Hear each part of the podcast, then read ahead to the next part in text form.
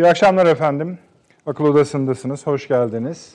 Bugün e, mümbit bir gün. Çok maddemiz var, çok konu var. E, biliyorsunuz güne, dünden de hatta miras şekilde Ayasofya ile başlandı. E, Danıştay'ın kararı bekleniyordu. 1934 yılında alınan kararın geri çevrilmesi için. E, fakat e, Danıştay bir 15 günlük süre içinde bu kararı açıklayacağını söyledi. Biraz e, nasıl söyleyelim e, hevesimiz kırıldı mı asla öyle bir şey yok. Ama hani bugün için biraz e, hevesimizin kırıldığını söyleyebiliriz bugün için. E, asıl mesele e, bu konuda Ayasofya'da Amerika Birleşik Devletleri ve Avrupa Birliği'nden gelen ikazlar tırnak içinde söylüyorum. Onlara çok az bakacağız. Ayasofya konusuna da öyle biraz daha sınırlı bakacağız. Daha önemli konular var. Ee, ABD ve Avrupa Birliği'nden gelen mesajlar Türkiye tarafı, Türk Dışişleri Bakanlığı tarafından karşılandı zaten. Cevabı verildi. Fakat zaten ne ABD'nin ne Avrupa Birliği'nin bu konu üzerine ne kadar ağırlıklı gideceğini tam bilmiyoruz. Bana biraz zevahiri kurtarmak, vitrini kurtarmak gibi geldi doğrusunu isterseniz. Yani tarafların tamamı buna dişlerinin geçmeyeceğini biliyorlar. Zaten de öyle. E, Türk Dışişleri de zaten gerekeni söyledi. İkinci konu ilhak meselesi efendim. Bu bizi e, yarım mutlu eden bir gelişme oldu bugün. İsrail, Batı Şeria'nın ilhak planını erteledi. Ertelemesine sevindik ama erteleme kelimesine üzüldük. Ee, üzülmekten kastımız da şu, bunu takip etmezseniz İsrail aynen daha büyük hızla elbette bu meseleyi sürükleyecektir. Yarım iyi bir haber olarak biz bunu görüyoruz. Yarım iyi haber olduğu için de takibini yapacağız. Ancak biraz sonra bu konuları konuşmaya başladığımızda biraz Süleyman Hoca'dan başlayacağız bu konuları konuşmaya. Ayasofya ile yani Ayasofya'nın Danıştay kararıyla ilhakın bugün ertelenmesi arasında bir rabıta olup olmadığını ilişkin fikirlerini dinleyeceğiz Süleyman Hocamızın. Bir çünkü değişik bir açı var orada. O açıyı değerlendirmeye gayret edeceğiz. Efendim, Libya, Fransa Dışişleri Bakanı bugün Libya Başbakanı ile görüştü. Bu bir, bir mesafe sayılır mı sayılmaz mı ona bakacağız. Tersi yönde ABD, Fransa, Mısır. Bu üç ülke Libya petrol gelirlerinin resmi hükümetin meşru ban Merkez Bankası'na değil, üçe bölünerek, üç ayrı bölgeye verilmesi konusunda Birleşmiş Milletler'e bir talepte bulundu. ABD, Fransa, Mısır. Bu hiç hoş olmayan bir davranış. Bu hoş olmayan davranışı Fransa Dışişleri Bakanı'nın e, Libya Başbakanı ile görüşmesiyle birleştirerek tartışacağız, anlamlandırmaya gayret edeceğiz. Fransa, NATO, Doğu Akdeniz meselesi var biliyorsunuz.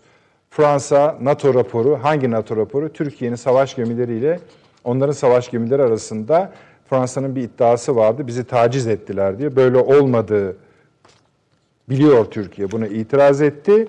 NATO'nun raporu da bu yönde çıkınca küstü efendim NATO'ya ve oradaki tatbikattan geri çekildi. Bu konuya da değinmeye gayret edeceğiz. Fakat dün biliyorsunuz Türkiye, Rusya, İran zirvesi vardı. Dijital bir zirveydi ama önemliydi. 14 maddelik bir metin ortaya çıktı. Biraz sanki bu üçlü zirvenin, daha doğrusu üçlü geleneğin biraz yumuşadığını ama bu zeminin konulması gerektiğini konuşmuş idik salı günü. Bunu kotarmaya çalıştıkları belli fakat önemli notlar var içinde. Bunu da parçalarına ayıracağız. Sayın Cumhurbaşkanı Katar'da günübirlik bir ziyaret için oraya gitti. Nedendir? Ona bakacağız. Efendim Almanya ile şöyle söyleyelim. Aşkımız yeniden depreşti. Öyle söyleyelim yani. Çünkü e, o kadar ona sarılmak istiyoruz ki yani bir gün hakikaten kemikler elimizde kalacak da salgın nedeniyle fazla sarılamıyoruz. Almanya biliyorsunuz bu pandemi nedeniyle diğer Avrupa, diğer ülkelere kendi vatandaşlarının gitmesine ilişkin bir liste yayınladı. Türkiye'nin burada olması gerekiyordu. Turizm açısından bizim hassas olduğumuz bir konuydu ve Türkiye en çok hak eden ülkelerden biriydi. Onların verecekleri bir lütuf değil ama yaptıkları listeye bakarsanız biz önde olmamız icap ediyordu. Tersine bizi dışarıda tuttuğu gibi ikaz edilen ülkeler arasında yani dikkat çekilen ülkeler arasında gösterildi. Tabii buna Ankara'nın hali üzüldüğünü hatta sinirlendiğini söyleyebiliriz.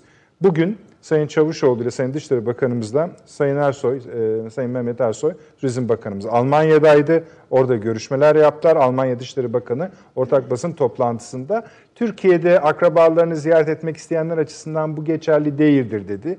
Yumuşama mı bilmiyorum. Ama bu Türkiye-Almanya ilişkilerinde paralel giden bir başka gelişme var. O da şudur efendim.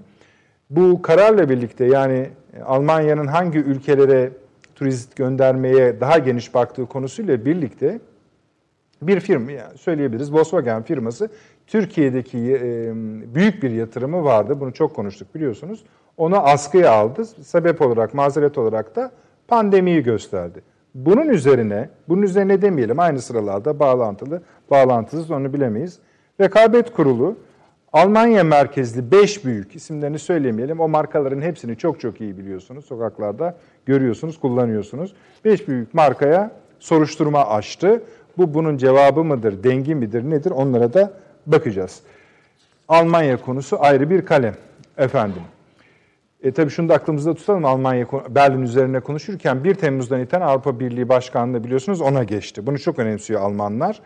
Bizim de önemsediğimiz bir nokta. Biraz ona bakmak isteriz. Önemlidir. F-35'ler 2020'ye 22'ye kadar bizde devam ediyor. Birçok ülke biz o kadar üzerine gitmedik bu konunun ama bunun F-35'ler sorununun Türkiye ile Amerika arasında çözülebileceğinin işareti olarak söylendi.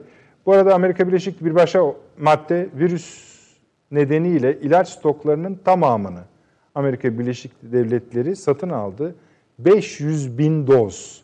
Seneyi de satın aldı. Bu neye işaret ediyor bilmiyoruz. Konuşacağız. Bir parantez bunu konuşmak isteriz. İnşallah zaman kalır. Venezuela biliyorsunuz altınlarının saklanması ve işlenmesi konusunda Türkiye'ye bir kapı açmış, söz vermiş ve demiş bu altınları size vereceğiz demişler. Şimdi o altınlar nerede? Şu kadarlık bir altından bahsediyoruz. 1 milyar avro değerinde altın. Bunlar İngiltere'deydi. Doğal olarak Venezuela yönetimi dedi ki Sayın Maduro yönetimi o altınları dedi Türkiye'ye vereceğim ben verin altınlarımı dedi. Mahkeme vermiyoruz dediler. Londra biz bu altınları vermiyoruz dediler. Mahkemeye gittiler. Uluslararası mahkeme şöyle bir karar verdi. Efendim İngiltere Maduro yönetimini tanımıyor, Guaido yönetimini tanıyor. Onun için altın maltın yok size dedi. Yani dünyamızdaki artık kapitalizmi diyeyim, emperyalizmi diyeyim, ne diyeyim bilmiyorum. Daha iyi anlatan bu kadar basit bir örnek olamaz.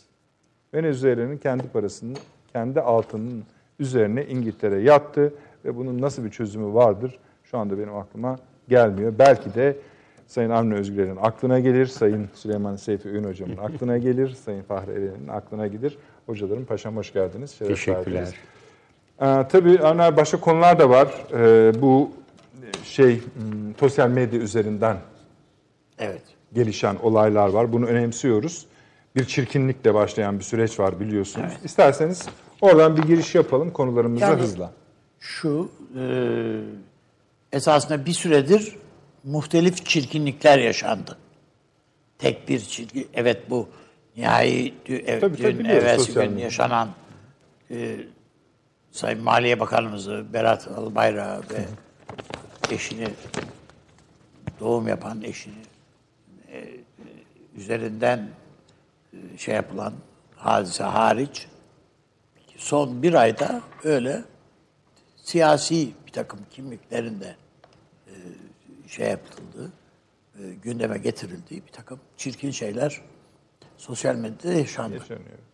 Ancak bu sadece hani siyasi kişilikler, önemli insanlar falan diye değil. Sıradan insanların da başına birçok şey geliyor. Sosyal medyada. Doğru. Yani e, bir takım insanlar şantajlara muhatap oluyorlar. Basına da yansıyor bu. Şu bu filan. Dolayısıyla bu işin bu boyutu var ve işte Sayın Cumhurbaşkanımız da tepki gösterdi. Bütün siyasi partiler hepsi tepki gösterdiler ama işte bir e, nasıl bir tedbir dediğimizde e, ben e, bu konunun tartışıldığı bir e, zeminde e, TRT'de miydi? Yanlış hatırlıyor olabilirim. Belki de CNN'deydi. Tam iyi hatırlamıyorum. Orada bütün siyasilerin siyasi görüşleri de dinledim. Anladım ki siyasetçilerin kafaları karışık. Yani hakaret tamam, e, buna engel olmak ihtiyacında herkes bu buna da tamam ama ne yapalım? Yani ne yapmalı da bunu kontrol altına almalı? Şimdi bu son hakaret ve saldırı diyelim. E, Mersin'de bir kişiden kaynaklanmış. Hemen tespit ettiler, gittiler, şey yaptılar. Başkaları da var, onlar da evet, güzel. başkaları da var. Evet, alındı. E peki kardeşim bu yurt dışından yapılırsa ne olacak? Yani bir, işte kimisinin muhtelif e, şeyleri var. Efendim e, bu tür hesaplar ancak e, vatandaş kimliği ile açılabilsin falan gibi. Peki onlar işlevli öneriler mi? Pek zannetmiyorum öyleleri şeyleri ama dediğim gibi yani nasıl yapılacağı, ne yapsak da bunu bunu engellesek onda pek şey değiller. Ancak anlaşılan şu ki ben o gün yani söylediğimi burada tekrarlayayım. Bir, bu şirketler Türkiye'de hukukun karşısında değiller. Yani bu suçu işleyenler şirketler değiller de bu sosyal platformların Türkiye'de bir temsilciliği yok. Ama tabii yok. Bunlar ama Türkiye'den çok büyük miktarda Para kazanıyor. para kazanıyorlar, reklamlar alıyorlar. Dolayısıyla ama burada bir vergi mükellefi de değiller. Bir ama bu sadece Türkiye'ye mahsus bir durum mu?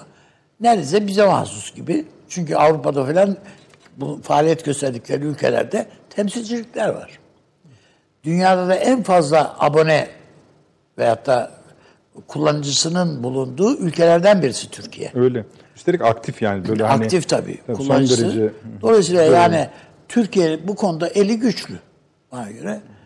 Ee, yani bu efendim yok falanca şeyi platformu kapattınız mı bilmem ne mi sansür mü filan bu tür eleştirileri riski göze alıp Türkiye bunları Türkiye'de muhatap e, şirket Siz devam edin ama şöyle bir not etmeli. Ben başından beri Sayın Cumhurbaşkanı'nın bu sosyal medya şirketleri hakkında hukuki, idari ve mali muhatap aradığını düşünüyorum. Ve Öyle zaten. Bunu bunu yani bu konuyu da bunun için hayli bas yani üzerlerine gideceğini ben tahmin ediyorum. Şimdi bir tahmin bu. ediyorum. iki e, yani anında birisi yazıyor.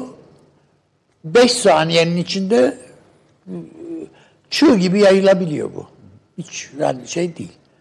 Yani buradaki muhatabınız sizi vergi, şu bu bakımından veyahut da ulaştığınızda o hesabı durdurmak adına falan şey yapabilir. Ama o suçun işlenmesini anında, anlık manasında e, engelleyemeyebilirsiniz.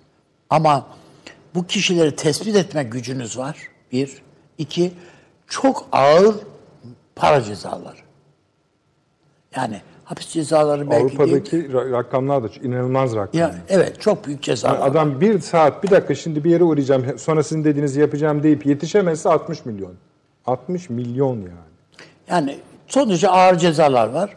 Türkiye'nin bunu mutlaka çünkü bu yıldıran bir şey bu. Düşünün yani maskeyi takmayana 900 lira ceza denildi. Herkes iyi kötü maskeyi takar oldu. Demek ki bu ceza meselesi, para meselesi etkili oluyor. Bunların filan belki biraz daha ön planda olduğu bir engelleme lazım. Ama daha önemli bir şey var benim kanaatim. Onu söyleyeyim. Yazılı basında bir gazeteci olarak. Sen de Öyle tabii. şeysin. Herhalde bütün meslektaşlarımız katılacaktır buna bir oranda. Kardeşim o kadar baskılan e, sorumlulukları arttı ki yazılı basının ve baskılandı ki efendim vay şu kaşın üstünde gözün var, gö- gözün üstünde kaşın var filan diyerek de dahil yani.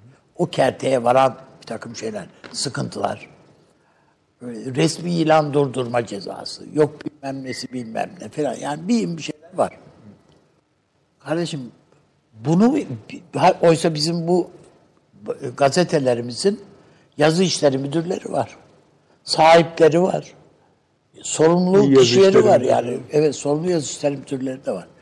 Yani istediğiniz cezayı verirsiniz.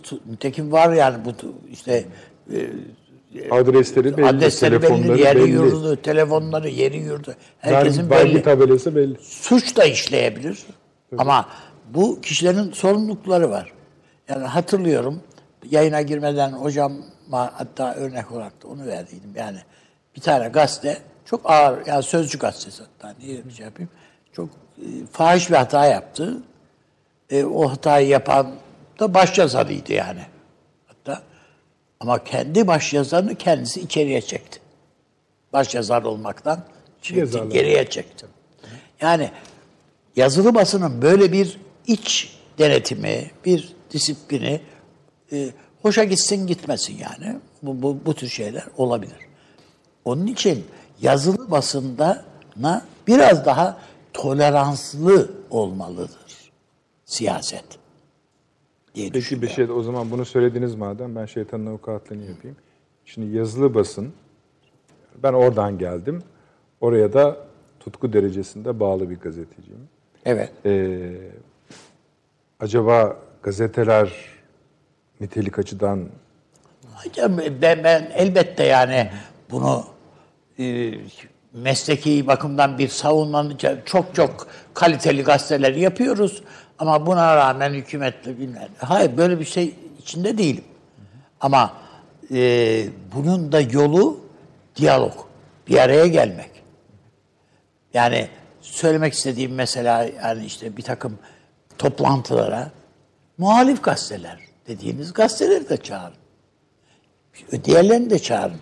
Yani kimse insanlar bir şekilde nezaket içinde bir araya gelebilmenin yani muhalif de olsalar e, çok hoşunuza gitmeyen şeyler de yazmış yazsalar bir araya gelme şeyimiz bir zemin oluşturun. Siz yani devleti yöneten insanlar olarak siz e, bu zemini oluşturun. Eğer bu suistimal edilirse o zaman bunun gereğini yaparsınız. Ama yok hiç kale almayan bir tavır sergilersiniz yani yok hükmünde? hükmünde davranırsanız bu başka bir şeydir.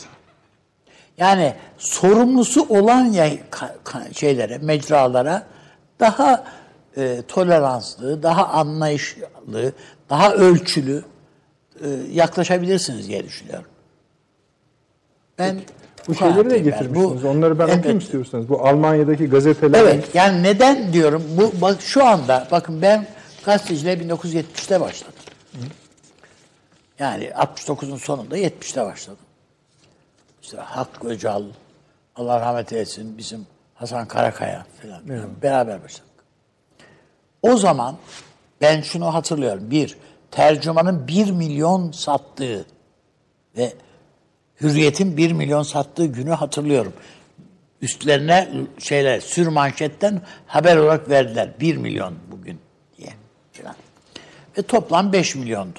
zaman içinde 1900 birçok defa o rakam Evet. kırıldı. Ama bu hala küçük bir rakamdır. Ayrı konu. Tabii ama 1970 için iyi bir rakamdır. Çok, tabii. Fena bir 30 rakam değil. milyon iyi bir rakam. O tabii do- doğru Tabii. söylüyorsunuz. Yani- ama bugün onun yanından bile Ama geçmediğini düşünün yani bu e, filanca gazetede işte herkesin okuduğu, takip ettiği köşe yazarlarının olduğu filan filan bir dönemden söz ediyoruz burada. Yani sağcısı, solcusu fark etmez yani. Dönemden söz ediyoruz. Arada zaman aradan bunca sene geçti. Türkiye'nin nüfusu neredeyse ikiye katlandı. 80 milyonu geçti. Evet. Ee, yani okur yazar sayısı da arttı Türkiye'nin filan.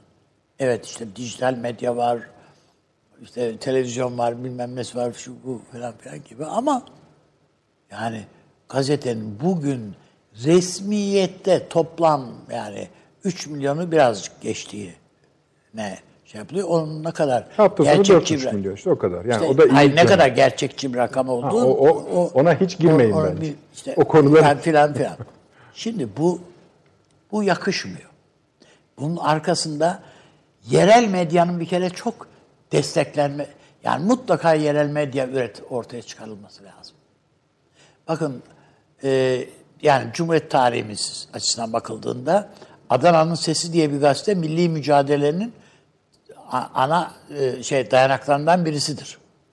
E, Ege Express olsun, Demokrat İzmir olsun. Yani Atilla İlhan'ın filan çalıştığı gazeteler bunlar. Yani bunlar hep önemli gazeteler oldular Türkiye siyasetinde. Balıkesir'de filan böyle çok güçlü gazeteler vardı. Ya ben gazeteciliğe başladığımda vardı. Ama sağ olsunlar o şey yani Haldun Simavi birazcık bu işleri. İşte hepsi o yerelleri satın alalım ben tek bir gazete yapayım. Tan gazetesi hepsine vereyim falan, falan gibi falan şeylerle yok oldu. Hepsi. Ve o yerel siyaset yansıyamıyor tabii ortalığa. Düşününüz ki Amerika'da filan yani aynı köşe yazarı, yani aynı yazar Amerika'da dağıtım yok ki öyle ulusal dağıtım. Bir tane gazete var öyle ulusalda dağıtılan. Ama diğerleri için mesela diyelim ki X yazar kişi, ünlü bir kişi bir ajansa veriyor yazısını. O onun parasını ödeyen bütün gazetelere Servis ediyor. bir, Florida'da da veriyor, Texas'ta da veriyor, Arizona'da da veriyor. Ya- Yayınlayabiliyorlar onlar. Yani öyle sabit şu şu gazetenin yazarı diye değil. Ekonomik açıdan Ama o bir eyalette tek bir gazeteye veriyor. Yani e, köşe yazarları da bunlar memnunlar. Çünkü değişik yerlerde hem okur elde ediyorlar hem kazançları da ona göre hem de dünyanın de- değişik yerlerindeler. Yani okunuyorlar falan. Ben yani Abi Türkiye'nin bir şekilde... başlarsak sabahı buluruz. Hayır hayır. Ben bir şekilde Türkiye'nin bu meseleyi masaya yatırması gerekiyor. Yani Türkiye'de şimdi iletişim başkanlığı var. Tabii. Cumhurbaşkanlığımıza Evet. bağlı.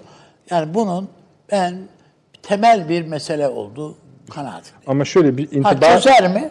O ayrı. şöyle bir intiba edindim ama. Yani gazetelerimizin, yazılı basınımızın genel durumu biraz da sosyal medyanın bu hale, sosyal medyaya gösterilen ilgiyi, ilgiyi besledi gibi bir şey anlıyorum. Tabii kardeşim yani Türkiye'nin en önemli e, siyasi figürleri ne kadar takipçisinin olduğuyla ölçülüyor sosyal medyada.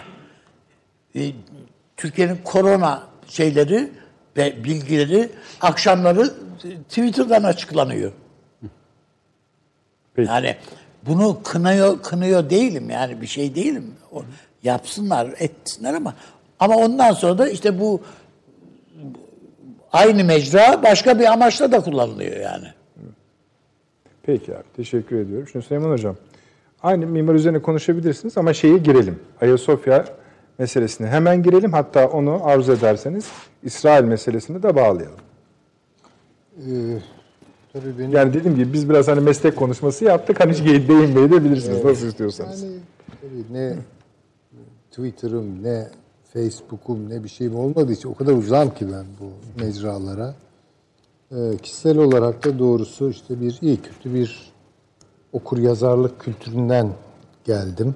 Yani bütün yönelişlerim bugüne kadar öyle oldu. Hakkını verdik vermedik ayrı bir hikaye ama e, yadırgadığımı söyleyebilirim başından beri ve hala o duygular içerisindeyim. Onun için de böyle bir e, girişimim olmadı.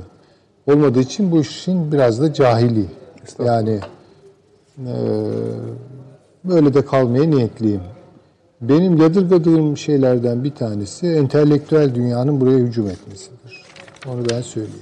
Yani e, işlerinde yakın dostlarım da var. Siz Efendim yani işte ben ama diyor kitap paylaşıyorum ama ben diyor işte bir e, televizyonda sadece belgesel seyrediyorum demek gibi. yok öyle. Yani bir kere bu bu ve bana çok tuhaf geliyor. Yani ben entelektüel dünyanın belki biraz seçkincilik olarak e, düşünülecek ama e, özellikle akademiyanın buna cephe almasını beklerdim. Çünkü kitap bizim veli nimetimiz yani neyse işte yani ya da bilemediniz dergidir falan ama şaşırtıcı bir biçimde böyle işte takipçiler oluşturmak. e, Tabii canım, bir de ticareti yani- var. Yani bilemiyorum ben tabii çok dışındayım onun için bu konuda çok konuşamayacağım. Kusura bakmayın. Estağfurullah. E, ama medeniyet de buraya doğru gidiyor galiba işte bu dijital Çok öne ortamlar alınabilir vesaire. bir şey değil. Yani onu bilemem tabii. Ee, şeye gelince bu Ayasofya Oradan, meselesine evet. belki girmem daha Bugün doğru olur. kuvvetli bir beklenti vardı. Bugün bu işin çözüleceğine ilişkin. Şimdi Yabancı bakın basın- onunla ilgili de yani bakınız bu bir bence mühendislik mesele olarak alınmalıdır. Benim hoşuma gitmeyen şeylerden biri ve çünkü ben başından beri bu Ayasofya meselesini e, bu konudaki dinsel hassasiyetler hepsine saygı duyuyorum. Ondan ayrı tutulması gereken bir egemenlikle ilgili bir siyasal mesele olduğunu baştan beri vurguladım. Her siyasi karar bir mühendislik işidir. Yani dolayısıyla bunun zamanlaması nasıl yapılacak? Ee, bu ne zaman hayata geçirilecek? Hangi şartlar içerisinde geçirilecek? Bu çok çalışılması gereken ve bence siyasetin e, kendini orada ispatlaması gereken bir iş. E, fakat çok karışıyor bu işler Türkiye'de. Ben mesela Birbirine bundan rahatsızım. Evet yani. Birden böyle bir kamuoyu baskısı ve beklentisi. Bu bakın o mühendisliği engeller. Ben bundan rahatsızım doğrusu. Hadi bir an evvel açılsın. E o zaman hakikaten Sayın Cumhurbaşkanı'nın bir dönem söylediği şeyleri hatırlıyorum. Ya Sultanahmet'i doldurdunuz mu şimdi burayı istiyorsunuz? Evet. Bu bir şova dönüşecek belli. Bakın gerçekçi olalım. Yani insanlar Süleymaniye bu bu şekilde gitmiyor. Ee, Canım Süleymaniye orada duruyor. Sultanahmet orada duruyor. Varsa yoksa Ayasofya. Bu bence işte doymak bilmez bir çocukluk gibi filan bir şey yani. Arka planını anlıyorum ve çok saygı duyuyorum. Ayasofya'dan Müslüman milleti yoksun bırakmaya kimsenin hakkı yok. Orası bir cami ve orası cami olarak e, ibadete açılacak. Bu açık. Anımsıyorsanız biz Ayasofya konusunu ilk tartışmaya başladığımızda da bu şekilde bir mimari kurmuştuk ama Tabii. şunu da söylemiştik. Sizin için demin dediğinizi tekraren söylüyorum. Hani ibadet ve dini bir mesele olmakla beraber bu egemenlikle ilgili siyasi bir meseledir. meseledir. Yani bu böylece sizin dediğinize biraz kapı açıyor. Tabii. Ee, bu, bu olmak zorunda. Bunda bir problem Bunda yok. hiçbir problem Bunda yok. hiçbir bunu problem yok. Bu olacak. bile. Bu Çünkü olacak. bunun dünyada işi menendi yok. olmalı yani olsun da Ha, zaten. yani mesela bana diyemez ki kimse ya şurada da bak şöyle bir mabet var. Ee, bir dönem filancalar ibadet etmiş, bir dönem feşmekancalar düşündüler ve burayı bir müze yaptılar. İnsanlığın hizmetine sundular. Bunu bir tane ikinci yani bunun Ayasofya dışında bir örneğini daha verebiliyorlarsa düşüneceğim. Ama öyle bir örnek bugüne kadar çıkmış değil. Zaten bunun bence çok tartışılması bu manada gerek yok. Ama benim esas üzerinde durmak istediğim kontrolden çıkabilecek bir beklenti.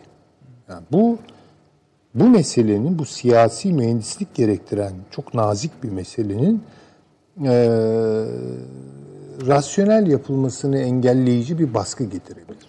Onun için bence bunu ikide bir gündemde işte yani bir böyle kitle mobilizasyonu meselesi haline getirmek, bir heyecan fırtınası haline getirmenin falan bir alemi yok.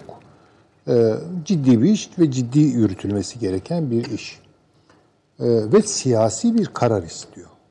Tabii ki o siyasi kararı kararı önce mümkün kılabilecek her türlü yasal süreç neyse onlar bir kere açığa çıkmalı. İşte Danıştay mıdır bu? Yargıtay mıdır? Sayıştay mıdır? Vakıflar kanunu mudur? Bilemiyorum. Neyse. Bunlar bir kere doğru kurulmak zorunda. Mühendisliğin altyapısını da bu hukuk meselesi belirliyor. Çalışılıyordur muhtemelen. Onun üzerine bu bina kurulacak. Şimdi nasıl bu siyasi bir mesele, bunun mühendisliğiyle ilgili zamanlama dünyadaki bütün siyasal gelişmelerden de ari tutulabilecek bir şey Güzel, değil. bir Yani iş- şöyle değil. Şimdi durduk, durduk, durduk biz. Zihnimizin gerisine attığımız bir meseleyi birden rüyamızda mı gördük? Ertesi gün çıktık bu talepte bulunuyoruz. Ben böyle olduğunu zannetmiyorum. Ben böyle olduğunu Bir zannetmiyorum. eşiğe kadar getirdiniz. Evet. Tamam. Yani bu konuşulduğu noktada bir etrafımıza bakmalıyız ne oluyor. Güzel. Ya ama hangisi konuşulduğunda? Bir Ayasofya'nın konuşulmaya başlanması mı?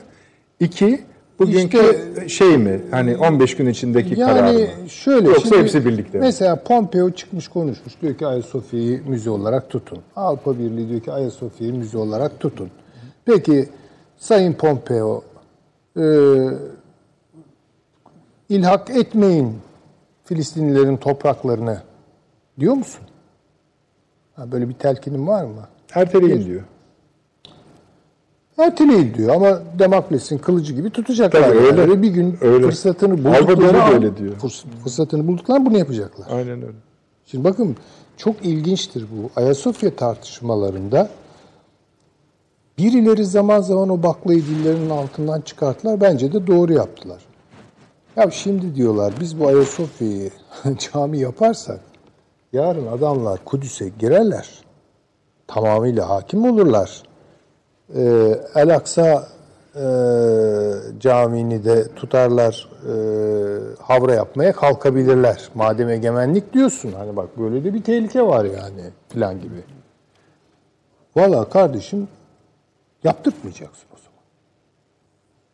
Yaptırtmayacaksın o zaman. Ya bu çok açık. Ya bu egemenlik alanında böyle şu şöyle yapıyor bu Suudlara söylemiyorsunuz herhalde. Suudların zaten öyle bir niyeti yok.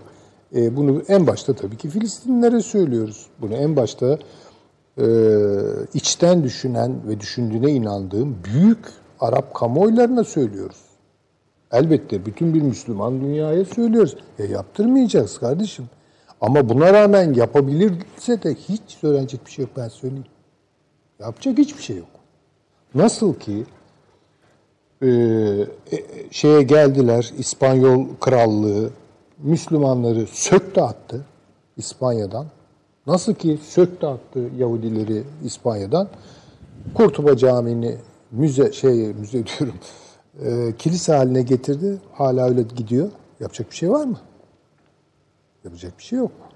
Ha, gönülden ne geçer? Şöyle bir şey geçer. Yani tabii ki bu işler bütün dünya e, ulusları tarafından adil şeylere bağlansın. Kimse kimsenin hiçbir şeyine el uzatmasın falan. Böyle bir dünyada mı yaşıyoruz? Böyle bir dünyada yaşamıyoruz maalesef. Yani bu gönülden geçenlerle, gönülden geçen şeylerle realite arasındaki farkı görmek durumundayız. Şimdi aynı şekilde biz ne diyoruz? Kılıç hakkımız bizim diyoruz. evet. Kardeşim Ayasofya'yı kaptırmasaydın o zaman. Ha, bu kadar seviyordunuz. Öyle mi? Meleklerin cinsiyetini tartışmayı biraz erteleseydiniz. Doğru düzgün ittifaklar kursaydınız. Fatih'i püskürtseydiniz. Ayasofya'nız da size kalsaydı. Öyle mi? Yani mesela. Bu işler çünkü artık o, o iş oralara geldiği zaman ya oralarda işte bir takım akıl yürütmeler hükmünü kaybediyor. Realite çıkıyor ortaya. Yani ilhak ediyor e, diyelim ki İsrail. İlhaka yelteniyor. Yaptırmayacağız. Açık. Yaptırmamak için ne gerekiyorsa onu yapacağız. Ve bu ihmal kaldırabilir bir şey olmayacak. Yani ya şunu da yapmalıydık ama bak yapmadık o yüzden kaybettik demeyeceğiz. E sonra hükmü var. Bırakacak yani. O artık takdir yani onu bilemiyorsunuz nedir, neyin ne olacağını bilemiyoruz. Şöyle Ee, tekrarlayayım mı? Eğer uygun olur mu bu cümle? Şöyle kursam cümleyi. Yani siz e, Danıştay'ın Ayasofya kararını ötelemesiyle İsrail'in ilhak kararını ertelemesi arasında bir bağ mı kurdunuz? E, yani şimdi tabii bağ kurmak zor. Yani, Akıl kurmak diyelim. Ne yani, diyelim? hani akıldan e, uç, uçuşkan bir şey. Tabii tabii yani şimdi belki tamam alakasız tesadüfi Tesadüf şeyler. mü kurdunuz? Öyle yani söyleyelim. tesadüf de olabilir böyle bir şey denk geldi. Ama şunu söyleyeyim. Mesela eğer İsrail bu densizliği Ama yapacak... manidar bir tesadüf değil mi? Biraz manidar düşündürücü. Yani eğer e, İsrail İsrail bu densizliği yaparsa yani ilhak densizliğini yaparsa mesela Türkiye bu konuda bence çok daha rahat bir karar alabilir.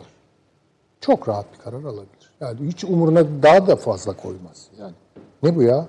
Yani kaldı ki burası bizim toprağımız yani bizim zaten egemenlik alanımız içerisinde. Öbürü gaspa gidiyor.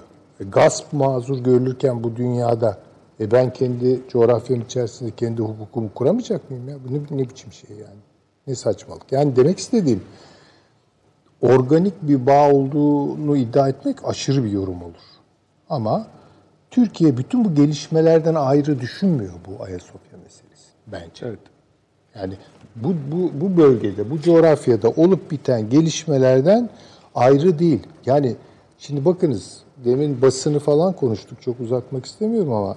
e, şimdi bu diyelim ki eski gazeteler, işte 70'lerde çıkan, daha evvel çıkan gazeteler bir fikri takip vardı Evet, değil mi evet, üstadım? Yani bir meseleyi sadece böyle haberini verip ertesi gün unutup bambaşka haber peşinde koşmak değildi. Bir fikri takip.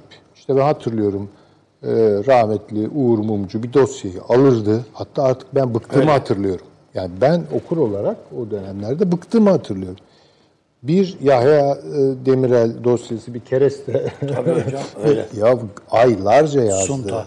Sunta aylarca yazdı. Ya ama helal olsun yani. Her türlü noktasına virgülüne kadar. Şimdi kırılma şurada oldu. Fikri takip kalktı.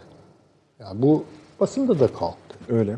Basında zaten yani dün yok. E, evet yani Dün yok. böyle acayip şey. Hele medyada falan yani işte bir- her gün bir işte herhalde o program Yani bu ulusal kanallarda filan son bir ay içinde olan aynı konu üzerindeki 5 3 tane 5 tane konuyu birleştirdiğiniz zaman analizci kabul ediliyorsunuz. Ha işte tabii buyurun yani.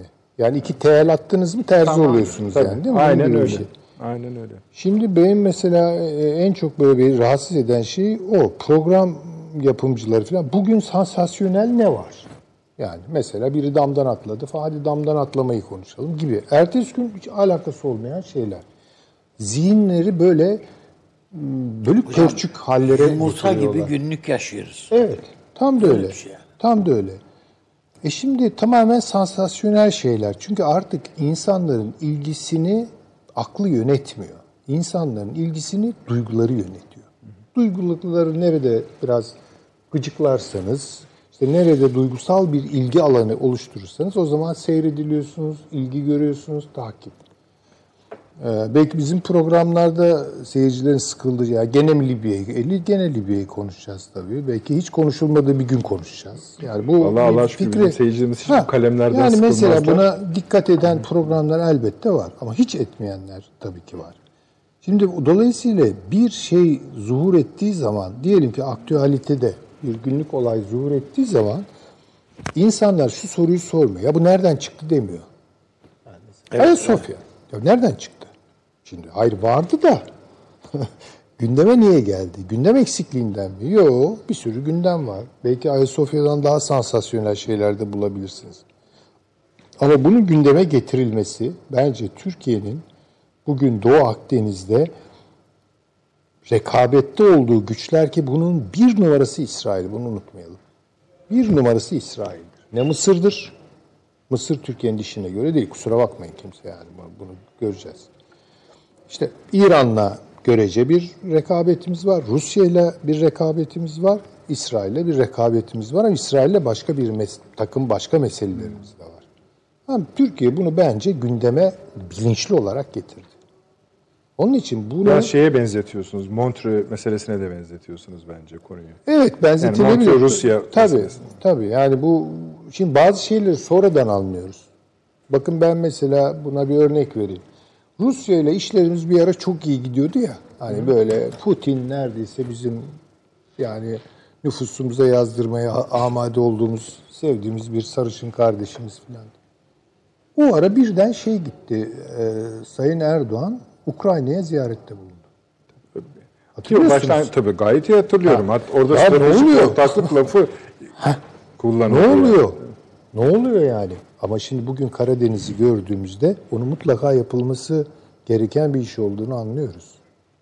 Çünkü biz Rusya ile ila nihai kol kola gidemeyiz. Hatta şöyle Ukrayna bize çok daha yakın ve bize çok daha fazla lazım. Çok daha fazla lazım. Bir Kırım meselesi var. Karadeniz'de ne olacağı, Rusya'nın Karadeniz açılımı var. Bu çok büyük tehdit doğuruyor Türkiye'ye. Türkiye orada Amerika ile birlikte çalışmak zorunda. Tıpkı bugün Libya'da olduğu gibi. Yani çünkü çok yadırgatıcı ve kontra bir ya Rusya ile tam işler iyi gidiyordu. Bozuyor mu? Yani Türkiye bu işi dedik. Halbuki gündemler arasında özellikle bu Avrasya bölgesi, Akdeniz, Orta Doğu her neyse bu büyük havzada süreçler arasındaki ilişkileri takip ederek ve devamlı mukayeseli tutarak o gündemin nasıl oluştuğunu akledersek işte o zaman daha akılcı düşünüyoruz meseleler üzerine. Yoksa tamamen duygusal. Bugün Ruslara kızarız, yarın şapur şupur öpmeye kalkarız. e, bugün kovarız yarın buyur baş tacımız evimizin en güzel köşesinde otur filan.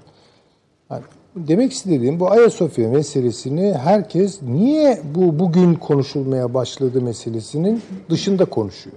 Ben de bunun böyle olmadığını düşünüyorum ve bunu bir örnek olarak getiriyorum. Yani burada bir ilhak meselesi var. Bir oldu bitti.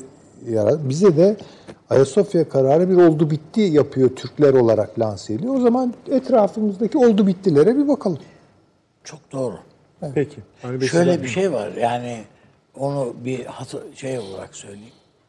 Bugün hemen hemen bütün uluslararası basında da var. Yani bu Cemu Keşmir'de O fotoğrafı söylüyorsun. bir, bir fotoğraf var. Yani bakmak bakmak bile insanı tüylerini diken diken eder o fotoğrafa. Ve bu dünya ne oldu? İşte o bizde vardı ya sahile cenazesi cesedi vuran çocuk. Gibi değil mi? Evet. Bu çocuk da güldü. Hayvan bebek. Evet, hayvan bebek. Aylan bebek. Haylan evet, bebek. hayvan bebek. O Üç gün sonra bunu da unutacaklar. Bu tamamen törpülenmiş bir e, vicdan şeyini ortaya Evet, getiriyor. evet, evet. Bütün dünyaya da geçerli bu. Tabii tabii. Tabii. Az önce siz dediniz ki işte bu şeyler e, yani işte ay- bizim kendi kamuoylarımız yani izin vermeyeceksin bilmem. Şu bu diyorsunuz. Açık. Şimdi hocam Maduro, Venezuela sen götür 1 milyar dolar euroluk altınını İngiltere'ye emanet et. Sonra da ben niye bana vermiyorsun paramı diye. E vermeyecek adam yani. Ee, Ben hiç yani yadırgamadım yani haberi. evet yani bazı şeyleri yaptırmayacağız. Ha. Bazı şeyleri yaparken de çok dikkat edeceğiz. Yani paranı nereye götürdüğüne yani, tabii. Şimdi var ya kuyruğun sıkışınca da ben Türkiye'ye göndereceğim. Esasında Türkiye'ye de göndermek değil de niyeti belki. Ama böyle bir şey olmaz yani. En başta yapma onu. İçin Türkiye'nin de dışarıda alt E, şöyle bir şey var evet Şimdi yani, altınla ilgili fazla kalmadı bizim. Yo, büyük kısmını aldık çektik. yani. Tabii tabii. Büyük bir- hatta 15 Temmuz'dan bazı sonra da duyumlara göre daha tamamını aldı. Çünkü bu İkinci Dünya Savaşı'ndan sonra üstadım biliyorsunuz herkes altınlı ya Naziler savaş sırasında Naziler gelir talan eder diye hep işte Amerikalılara filan gönderdiler. Bunu geri Amerikan alma Merkez Bankası vermiyor hocam zaten. vermiyor çünkü bitiriyor. Bir defa da Yani bir defa da 20 şu bin adamın ton- stoklarında duruyor o. Yani aktifinde gösteriyor ya. Emanet keşke, emanet ama keşke gösteriyor. dursa. Yok yediler bitirdiler 8 bin tona düştü Amerika'daki altın. 20 binden 8 bin tona. Dünyanın altını tabii ki. Harika. Dağıldı gitti. Şimdi dolayısıyla herkes ya altınımıza gelin. Almanya geri istedi ve yakın zamanda bitirdi bu işi. Hollanda öyle. Türkiye öyle. Yani Öyle. Türkiye altın meselesine ben iz- takip ediyorum yani. Böyle çok nasıl söyleyeyim gayet sessiz bir şekilde ayrı bir önem gösteriyor. Hem Türkiye'deki altın miktar üretilen altın Arttırıyor. arttırılması konusunda Tabii, tabii, tabii. hem de e, altın piyasalarındaki pozisyonlanması konusunda özel şeyler. Hatta e, bazı belki de ayrı bir program yapmak lazım yine onun için de işte Amerika'daki, Avrupa'daki borsalarda, finansman, finans çevrelerinde vesaire paşam mesela e, diyorlar ki ya niye sizin mesela döviz rezervinizi az tutuyorsunuz? Niye azaldı? Azalıyor rezerviniz falan diyorlar. Ama kimse demiyor ki Türkiye'nin altın rezervi niye artıyor demiyor.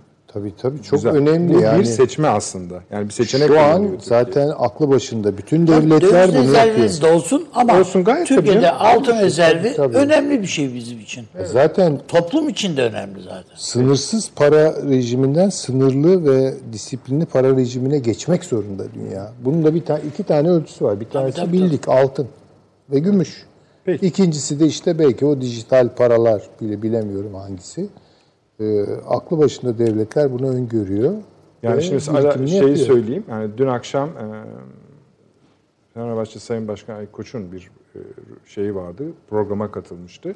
Orada kendi mali Fener- kulübün mali yapısıyla ilgili konuşurken bunlardan bahsetti. Belki bunlara da bakmak lazım dedi. Yani işte kripto paralar vesaireler, bitcoinler, şunlar bunlar ilginç bir şey esasında. Yani o Herkesin konuşma... gündeminde olan şeyler onlar tabii. Tabii. yani. Peki. Hocam biz böyle daldan dala sıçrıyoruz ama ne olur siz bari sabitleyin bizi. Ya, Ayasofya ve İsrail'in ilhakını konuşuyoruz. Daha Libya var, daha üçlü zirve var. Buyurunuz. Ben şu internetle ilgili esasında tabii, buyurun, Türkiye'nin e, bu konuda Avrupa Birliği uyum çerçevesi ben de biliyorum. Yani Genelkurmay'da da e, görüş sorulmuştu.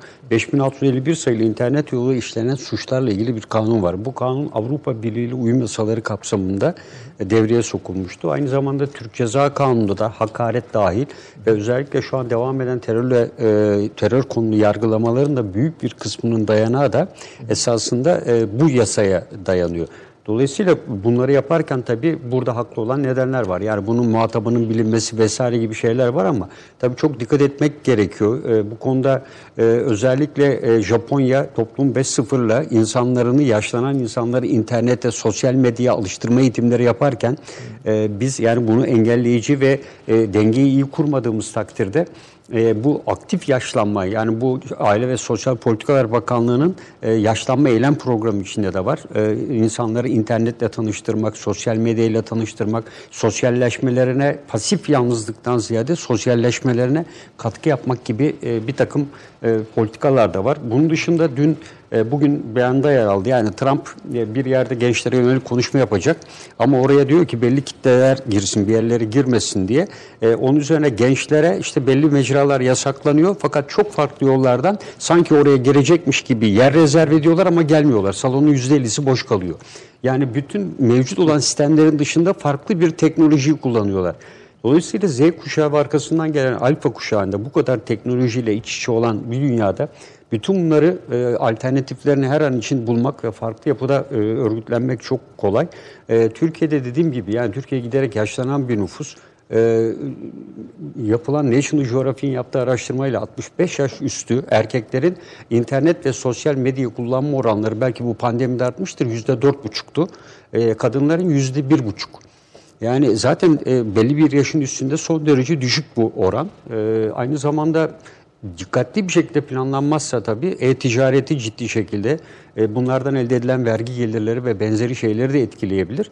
Ama tabii öncelikle e, dediğim gibi yani sosyal e, medya e, son derece kopuk bir şekilde. Yani ben de e, aktif olarak e, kullanmıyorum. Yani Facebook'ta e, işte arkadaşlarımızın genelde e, yakınlarının ölüm haberlerini, doğum haberlerini falan e, al- alıyoruz. Onun dışında da Twitter'da anne babalar gün dışında da pek böyle bir paylaşımda bulunmuyoruz. Yani dolayısıyla e, bunu e, Türkiye'nin dediğim gibi e, bir takım şimdi e, Sayın Cumhurbaşkanı'nın Twitter'da e, takipçisi yoğun. Ama bu mecrada alışmış olan insanlar acaba bu takip sürecini e, bu şekilde bir geri çekilme olursa nasıl takip edecekler? İşte biraz evvel e, Sağlık Bakanlığı da verileri Hocam Twitter bugün üzerinden. e, Nedet Bey bugün değil de dün bu bara ofise uğradıydı. E, dün de, de Sayın Devlet Bahçeli te- Facebook, Twitter, Facebook hesaplarını kapattığını açıkladı. Nedet dedi ki ama açıklamayı bile Twitter'dan yapıyor dedi. yani yani e, oranın ilginçti. Biz de dönem dönem bir kızdık, kapattık hesapları. Sonra dediler ki öğrenciler hocam işte temas kuramıyoruz falan illa açın. Açtık bu sefer de paylaşım yapmıyoruz. Yani dediğim gibi bu süreci e, mutlaka değerlendirilecektir. E, dikkatli bir şekilde planlamak gerektiğini düşünüyorum. Ama bence e, İsrail'in e, Irak planından vazgeçmiş ile Ayasofya'nın pek bağlantısı olmadığını düşünüyorum. E, bu ilak meselesi e, son bir e, haftadır esasında çok yoğun bir şekilde üç ayrı merkezde tartışılıyor. Bir e, Tel, Aviv, Tel Aviv'de, e, iki Londra'da, e, üç Amerika'da. E, bunlardan e, İsrail merkezli olan görüşmede İsrail Netanyahu ile biliyorsunuz Mavi Beyaz Hareketi koalisyon ortağı var. Evet. E, koalisyon ortağı bu aşamada e, ilhaka kesinlikle karşı çıkıyor. Ve bunu Netanyahu'nun e, olası bir erken seçimde kendisine koz olarak kullanabileceği, yolsuzluktaki yapılacağı yargılamada toplumu etkileme maksatlı bir hareket olarak e, düşünüyor. E, ve dolayısıyla esasında çarşamba günü e, bu iki koalisyon ortağı bir araya geldiler ve ilhak kararını açıklayacaklardı. Ancak İsrail medyasında da yansıyan haberlerle de Mavi Beyaz Hareketi ilhaka bu süreç içinde kesinlikle karşı çıktığını Halbuki deklar ba- etti. bayağı sağlam savunuyordu. Evet. Asker biliyorsunuz. Ve bir gün önce de e, Joe Biden'ın şeyin e, Dışişleri Bakanı. Hayır, Boris Johnson'ın e, arayarak kesinlikle böyle bir hareketi e, bu aşamada yapmamaları gerektiğini e, deklar ediyor. Avrupa Birliği ikaz etti. Evet. İngiltere ikaz etti. E, arkasından da Joe Biden. E, böyle bir resmi açıklaması yok ama Joe Biden bir kez daha vurgulamış bu seçim çalışmalarında. e, böyle bir ilhaka kesinlikle karşı çıktığını, seçimi kazandığı halde böyle bir şeye asla müsaade etmeyeceğini e, vurgulamış. Yani bütün bunları Bence ortaya... şöyle de buna şunu da ilave edelim bence. ABD'nin İran özel temsilcisi Tel Aviv'deydi. Evet. Yani bu karardan bir gün önce. Bence işi orada ikaz ettiler. Evet, Yani ba- e, çünkü can damarları o. Ama ilginç olan Mavi Beyaz Hareketi'nin başında olan kişi parti lideri baştan beri buna karşı çıkıyordu. Yani o e, ilhakın e, Netanyahu tarafından bir artı değer kendisi için yaratılacağını, onun başbakanlığı çünkü bunlar belli bir süreçte e, başbakanlığı değişiyorlar. Yani bir ara Sayın Tansu Çiller'le Necmettin Sizce tam neden var? Yani neden vazgeçti İsrail? Yani neden erteledi ona göre tırnak içinde? Vazgeçme, vazgeçmediler yani. Şimdi İsrail'in... Yani konjonktür fena değil, şimdi Arapların bu- durumunu görüyoruz. Bu konjonktürde şu anda İsrail'in esasında bölge planladığı gibi gidiyor. Yani Amerika Birleşik Devletleri'nin Fırat'ın doğusundaki e, Ulusal Kürt Konseyi adındaki bir yapılanmanın adım adım İsrail'in güvenliğini sağlayacak şekilde devam etmesi. Özellikle e, İsrail'in güneyinde Golan Tepelerinin zaten Amerikalılar tarafından İsrail'e verilmiş olması ve bu çerçevede bu dönemde ilhak ederek Hizbullah'ın olası saldırıların ve diğer e, geniş anlamda kamuoyu tepkilerinin e, artacağını değerlendiriyorlar. Ve dolayısıyla bu takdirde sadece ilhakla kalmayacak. O zaman 100 yılın planı adını verdikleri bu sözde planın e, Batı Şeria veya Gazze taraflarının da işlerliğini ortadan kaldıracaklar. Yani konjonktür şu anda uygun değil. E, kon- uygun konjonktürü bekledikleri anda bunu yapacaklardır. Ama e, Ayasofya ile İsrail hareket etmez. Yani Amerika baskı. Çünkü İsrailler Yahudi. E, orada olan kilise. E, dolayısıyla yani e, dini açıdan bir bağlantısı zaten yok. E, burada durdursa durdursa İsrail'i Belki siyasi hatta nedenler. şöyle mi diyorsunuz siz? Yani Ayasofya camiye dönüştürülse bundan İsrail memnun bile olur şu Aynen. manada. Tabii, tabii, yani tabii. Yani- Türkiye'ye dönük öfkeler. Tabii tabii. Hristiyan Yunanistan dünyada açısından, kabarır. e, İsrail açısından, Mısır gibi Müslüman ülke açısından bile Türkiye yönelik öfkeler gelecektir. Ve inanın ilk olarak Mısır'da Kahire'deki meşhur Tahrir Meydanı'nda Türkiye protesto edilecektir. Yani ben Sisi'nin organize ettiği bir düzenle bunu yapacaklardır yani. çünkü Türkiye düşmanlığı olduğu zaman... Ayasofya cami olduğu için mi bunu Tabii şey tabii Sisi çünkü e, Birleşik Arap Emirlikleri'nde de yapabilirler bunu. Yani Türkiye işte gasp ediyor vesaire diye.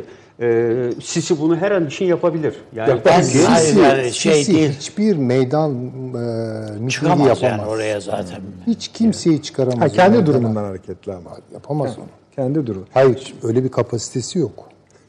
Kitle mobilizasyonu yapamaz. Askerleri çıkarabilir. Hayır kitle Yani mobilizasyonu Mısır ter- tehlikeli zaten bulabilir bakınız, kendisi. Mısır halkı o üç tane Hayır, mollanın Ayasofya cami oldu diye cami Mısır diye halkı Mısır halkı bunu protesto yani. ediyorsa Hayır, bunu cami olması açısından değil. Türkiye'nin e, bu süreç içerisinde yani tamamen e, uluslararası olan Filistin hakları ve diğer hakları dikkate alırken bu uluslararası konjonktürde örneğin İslamofobi tetikleyeceği vesaire gibi zaten Müslümanlara olan bir e, ciddi anlamda batı düşmanlığı var. ırkçılığın arttığı bir süreç var. Bu süreç içinde bu yapılan hamlenin e, camiye dönüştürülmesi anlamı değil. Müslümanlara yönelik etkilerin daha çok artacağı düşüncesiyle ortaya konulabilir. Türkiye düşmanları tarafından. E, zaten Ben bunu Birleşik Arap Emirlikleri yapmaz mı mesela Hocam? yapar yani Birleşik Arap şey Emirlikleri yapar bence. Benim söylediğim Hayır, o değil. Benim Ha, söylediğim anladım. sadece şu. Yani Hristiyan dünyasında Türkiye'ye dönük öfkeleri kabartacağı için belki Evet, o İsrail açıdan- o açıdan istismar edebilir. Bir taşla iki O kuş yani olmuş olur kendileri diye. açısından değil. Yani şu anda içinde bulundukları Türkiye karşıtlığı koalisyonu kabartabilmek için yapacaklar O, hamleler. o manada. Olur. Tabii, tabii. Yoksa yani ama Unutmayın sözünüzü. Şöyle bir şey var. Bu organik bir mesele değil yani. Ben öyle de koymadım onu. Yani Yok yok İsra- tabii. Ben söyleyecektim Süleyman Hocam. ileri sürdüğü bir karta Türkiye İsrail'i düşünerek bir kart açıyor bu Tamam. suretle Ben de demiyorum tam onu zaten. söylüyordum. Çok Şöyle başka bir zaten. şey o. Tabii anladım. Ee, O açıdan paşam haklı. Bunun arasında bir organik şeyi zaten kurmamak Ama şu lazım. önemli şimdi. Ayasofya, Kudüs, İsrail bu ilhak bölgesi Sair arasında yüzyıllara yayılmış metafizik bir bağ var. Aynı zamanda bu bir diplomatik bağdır. yani birbirlerini tabii, tabii, dengelerler. Bunun dünyanın başka yerlerindeki emsalleri de var. Metafizik açıdan söylüyorum. Tabii ki, tabii. Hani o orayı dürtüklerse bu buradan sonuç çıkar falan filan gibi. Bunlar yapılmamış işler değil. Değildir tabii. Ama ben de sizin asıl önemli tabii. söylediğiniz şey şuydu Süleyman Hocam. Ee, böyle bir şey olduğunda, yani aritmik bir hareket olduğunda çevrenizde başka ne aritmik hareketler oluyor ona bakacaksınız. Raconu yani. budur bu Tabii ki, işin. Tabii. Ve- Oldu bittiler nerelerde yapılıyor? Aynen öyle. Öteki taraftan da paşam ben şurada hak veriyorum. Bu Birleşik Arap Emirlikleri'dir, şudur budur bunları yaparlar. Beslerler, tetiklerler. O laf oraya getirirler. Sırf Türkiye'ye laf olsun diye bunlar Avrupa Birliği'nde bile çıkıp konuşurlar kendilerine alakasız olduğu bu platformda. Açı zaten Mısır uleması dedi ya bu Ayasofya e, şey, pardon İstanbul'un e, Türkler tarafından fethi işgaldir. İşgaldir dedi ya. Evet, evet. Yani daha ne? Gerçi yani? sonra mecbur kaldılar. Hatta. Avrupa'dan çok bu ülkelerde bu e, çıkabilir. Yani e, Türkiye karşıtlığı olan ülkeler e, bu işi daha çok istismar edebilirler diye düşünüyorum. E, tabii e, Ben bu İsrail'de yani bunlar da mutlaka hocam da sizin de söylediklerinizde mutlaka pay şey var. Bir boyutu da bir İsrail halkı huzur istiyor ya. evet evet. Yani e, kamuoyu yoklamalarında zaten Yani yüzdesel değerleri bu de var. koalisyonun ortaya çıkış sebebi o. Tabii. Netanyahu'nun başımıza başa bela olduğu Tabii, evet. olacağı kanaatindeler. Huzur istiyorlar ve olay istemiyorlar yani. Bundan bu- Mavi Beyaz Hareket de bunu Evet. söylüyor ya zaten diyor ki toplumun genelinin arzusu artık diyor, savaş istememek diyor. Yoksa Hizbullah'la gene başlayacağız biz diyor yani toplum. Hocam şöyle İsrail halkı yani 1948 sonrası ilk dönem, dönem bunların hepsi asker halk. Hepsi silah altında. Kızlı, kızlı, erkekli, kadınlı, erkekli falan hepsi silah altında. Ee, ve o olayların içinde yetiştiler hepsi. O yüzden güzel hatıraları yok yani. O hani kendilerine vaat edilmiş topraklar falan de- dedikleri topraklarda güzel hatıraları yok. Bir şey vaat edilmiş, ha babam tepelerinde bomba patlıyor veya huzursuz oldukları. Yani doğru düz bir huzurla bir şey yaşamadılar. Üniformayla plaja gidiyor kızlar Evet. filan yani. Böyle. Şimdi bu Netanyahu'nun girişimleri bu duyguları yeniden canlandırıyor. Bütün yoksa İsrail yani gidip de Suudi Arabistan'la iş tutacak, Birleşik Arap ya bu zaten yani bunlar teşne o ayrı mesele ama yani Müslümanlarla iş tutmak falan hiç İsrail'in gönül rızasıyla yapacağı işler değil bunlar. Ama işte o, yapıyorlar mecburiyet tahtında. Paşam tamam mı? Ee, bu tabii Almanya'nın kararı, Avrupa Birliği'nin kararı da e, Türkiye'nin Ayasofya üzerinde alacağı kararda ben baskı olarak düşünüyorum. Hangi şeyi Ee, mi? Almanya'nın e, Onu, tamam. Onu Almanya'ya şöyle yapalım çünkü ben yine sizden devam edeceğim ama şu sebepten dolayı yani Almanya'ya da geleceğiz Libya duruyor da bu zirveyi bir konuşalım. Yani bu e, günlük tartışmalara gitti. Bir şey çıkma, çıkıp çıkmadığını siz söyleyin. Türkiye, Rusya, İran Evet. bir görüşme yaptı liderleri. Sayın e, Cumhurbaşkanımız da katıldı ve orada 14 madde uzun yani biz ben mesela bu kadar teferruatlı bir şey beklemiyordum. Ama içeri konuşalım. Yani mesela komşu ülkelerin milli güvenliğine vurgu yapıldı. Suriye'nin petrol kaynakları ki Amerika demektir o. Vurgu yapıldı. Terör gruplarına vurgu var. Biraz herkesin hani bütün üç ülkenin de kaygılarına cevap verilmiş gibiydi. Cevap verilmiş mi? Bilmiyorum. Siz öyle mi? Soracağız. Peki, buradan başlayalım. Buyurun. Ben o bu açıklamaya baktığımda e, esasında hani bir ara demiştik, burada da tartışmıştık. E, Rusya'daki sanırım Moskova'daki görüşme bugüne kadar en geniş kapsamlı e, bir sonuç bildirgesi gibiydi. Hatta uluslararası ilişkilerde ders olarak da verilebilir demiştik. Mesela e, o e, onun gibi e, bir açıklama olmuş yani burada da. Ama yani iç- ama onun içi tam doluydu. Bu da dolu mu? yok, onun sonunda biliyorsunuz bir anlaşmaya varılmıştı. Ha, e, tamam. Yani e, somut bir olguya dönüşmüştü. Özellikle İdlib genelinde veya e, Barış Pınarı Harekatı'nın genelinde. Bu Şimdi biraz komisyon raporu gibi. Evet, evet. Yani bu tespit e, biraz tespite yönelik olarak burada var. Esasında bu tespit herkes biliyor. Ama bu tespitlerin e, Astana sürecinin en azından devam ettiğini söyleyebilmek için e, ortaya konulmuş olan e, bir e, ve Türkiye'nin özellikle isteğiyle. Çünkü bu sürecin devam etmesi Rusya ve İran'a karşı Türkiye'nin e, elini ciddi bir şekilde güçlendiriyor. E, bu formattan ayrılmak da İran'la Rusya'yı bu bölge içinde yalnızlaştırıyor. Çünkü bu üç ülkenin olması özellikle Rusya e, bu şekliyle İran'ı da dizginleyebileceğini düşünüyor. Yani bu format bozulduğu zaman e, o zaman İran'la Rusya doğrudan doğruya karşı karşıya kalacaktır. Ko- Korusun herkes Evet. demiş. Öyle mi oldu yani? Evet. Yani burada e, Türkiye ile bence Rusya e, her ikisi de öncelikle bir İran'ı dengelediler. Yani Kuzey Irak'ta yani buradaki bu maddeler var ama komşu ülkelerin güvenliği derken e, burada özellikle vurgulananın ben e, Irak olduğunu düşünüyorum. E, ve İran'ın da kuzey olduğunu düşünüyorum. Yani İran'ın e, bir şekilde bu bölgede e, daha evvel de söyledik e, kargaşa yaratmaya e, ve özellikle daha evvelden Suriye'nin güneyinde giderek kaybettiği milis güçleriyle olan hakimiyeti malum sürekli İsrail'in tehdidi altında havadan bombalanıyor. E, bunun dışında e, işte bugüne kadar ilhak edilecekti İsrail tarafından. E, orada da Hizbullah'ın ve benzeri şeylerin belki etkisi hale getirilme durumu var. O yüzden İran e, burada kalıcı olma ve dediğimiz gibi bir an önce anayasa görüşmeleriyle kendi milislerin ve yandaşların da biliyorsunuz o milis grupları zaten İran bayrağı taşımıyorlar. Hepsi Esad ordusunun e, normal bir bilmem kaçıncı tugayını oluşturuyor ve Suriye askeri üniformasını giyiyorlar. Ama biz biliyoruz yani bunların e, İranlı milisler olduğunu veya e, işte e, Hizbullah'ın unsurları olduğunu biliyoruz. Dolayısıyla İran e, bu süreç içindeki süreç bence bu burada biraz hızlandığını düşünüyorum. Hangisini? E, İdlib bölgesinde. Bölgesini. Yani ba- dün geçen ayrı bir programda söyledim. Başı, e, Barış Pınarı e, bölgesinde e, ben açık ve net söyleyeyim. Yani yakın bir zamanda ki o bölgenin Rusya ile bu da ağırlıklı görüşüldüğünü çok çok ciddi tehdit var bu bölgede. E, PKK ve PYD'nin e, Amerika'nın da desteğiyle Rusya'nın da bu bölgelere hakim olmamasıyla gerek bizim Barış Pınarı harekat bölgemize gerekse Kobani'den e, bu bölgedeki hareketlenmeler ileride bizim e, ve birliklerimizin güvenliğini ciddi bir şekilde tahdit edecektir.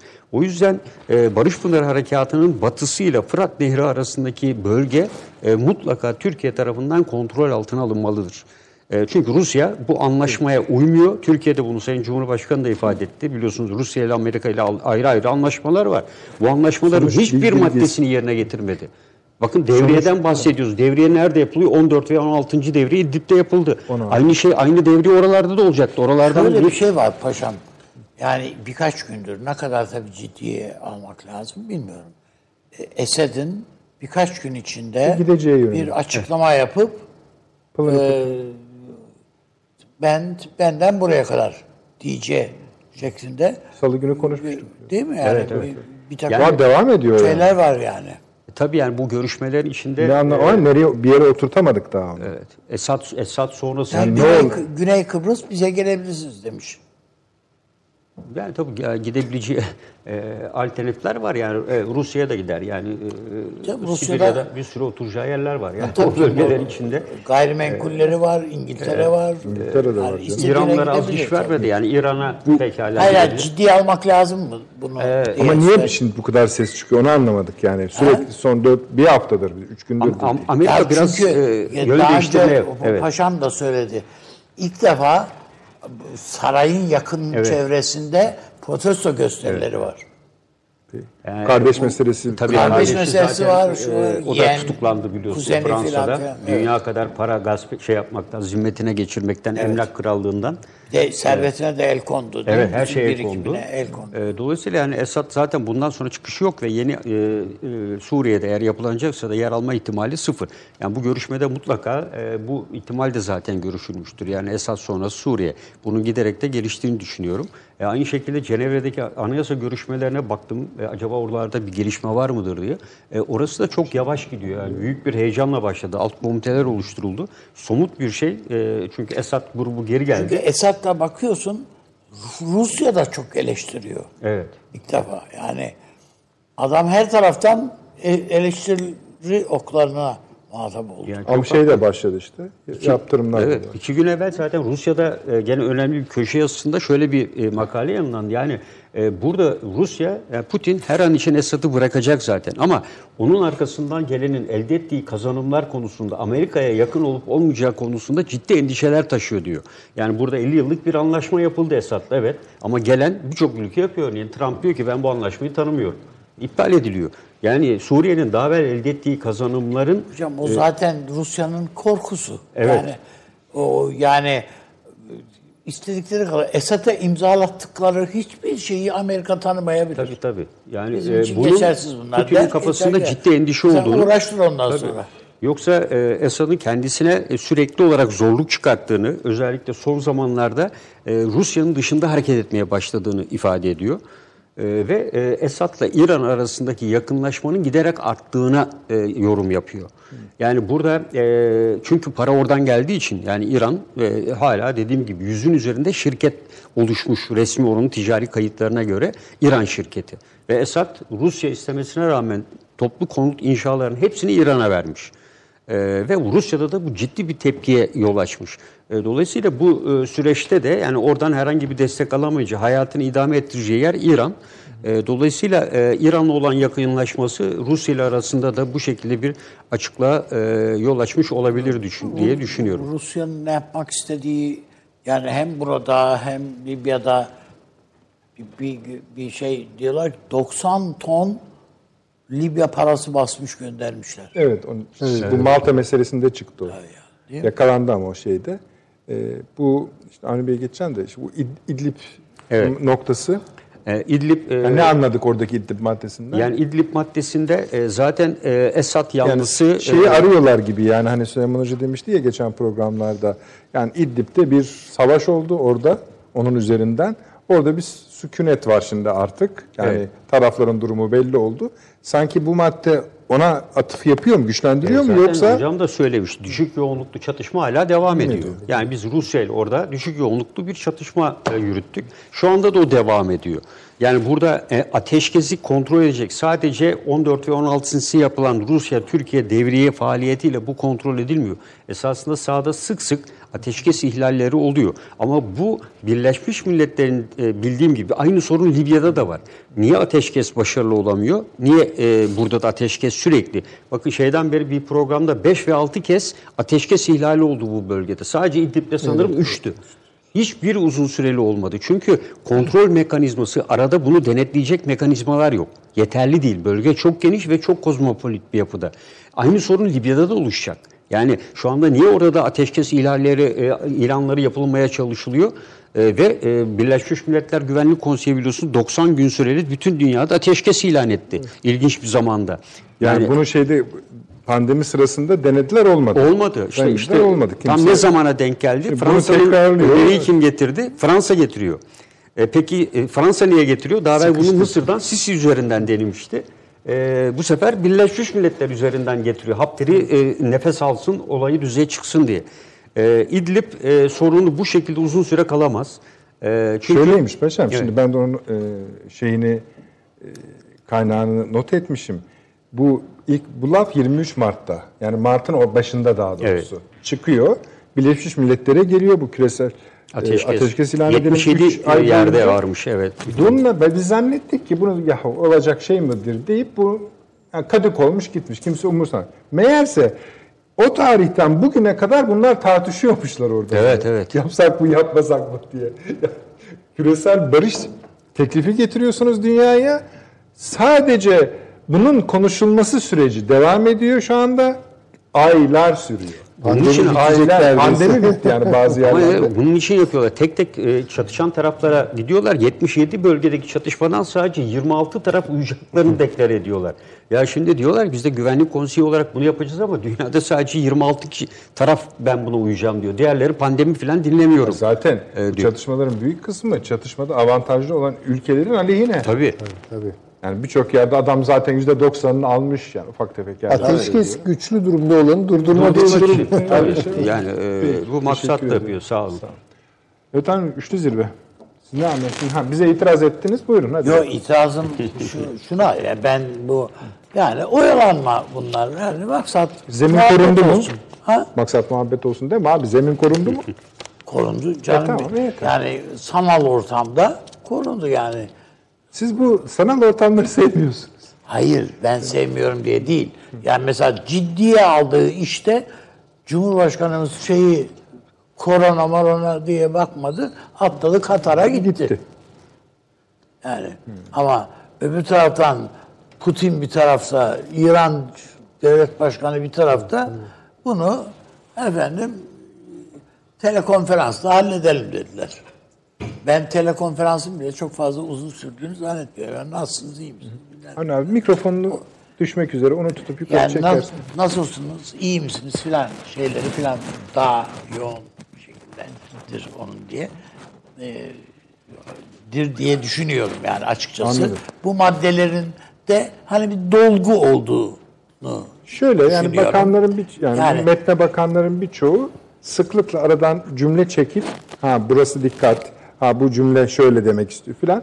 Yok Bu o kadar yani o kadar profesyonel bir metin olduğunu İşte tamam, onu söylüyorum zannetmiyorum. zaten. Yok, değil. Değil Zaten mi hani- yok Ben- zaten. Yani Hani profesyonel amatörden yani- Bir öncekiyle mukayese olsun zaten. Bir önceki görüşmeyle hemen mukayese edince o farkı görüyorsunuz yani. Yani ben öyle gördüm. Yani maksat birazcık uzun olsun da hani çok şey konuştuk falan zannedilsin falan diye.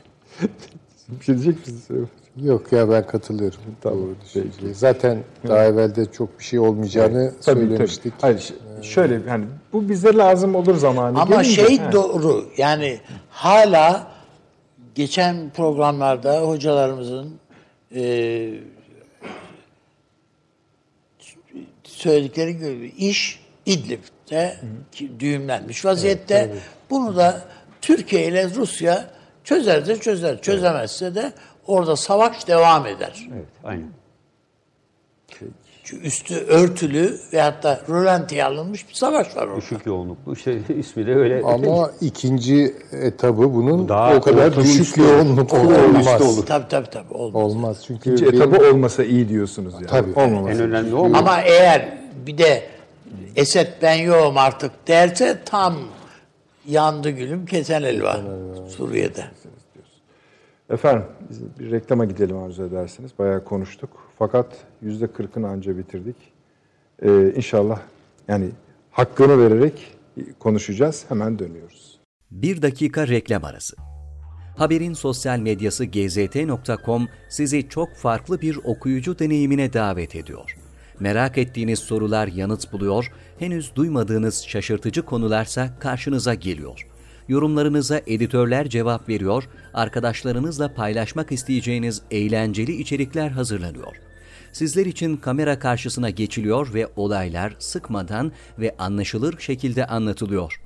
Özel infografikler, videoların yanı sıra burada sayamayacağımız sayıda farklı dergiler. Şimdi telefon ekranınızı daha da anlamlandırmak için sizi davet ediyoruz. GZT uygulamasına iOS ve Android marketlerden kolaylıkla erişebilir, pişman olmazsınız. Mutlaka indirin. Reklam arası sona erdi. Devam ediyoruz efendim akıl odasına. Türkiye-Rusya-İran zirvesini bitirdik. Şimdi Türkiye-Almanya. Evet öyle açmıştık. Aşkına geliyoruz. Ee, bu Türkiye'nin turizm meselesi çok hassas bir mesele. Almanya'nın da burada bir rolü var.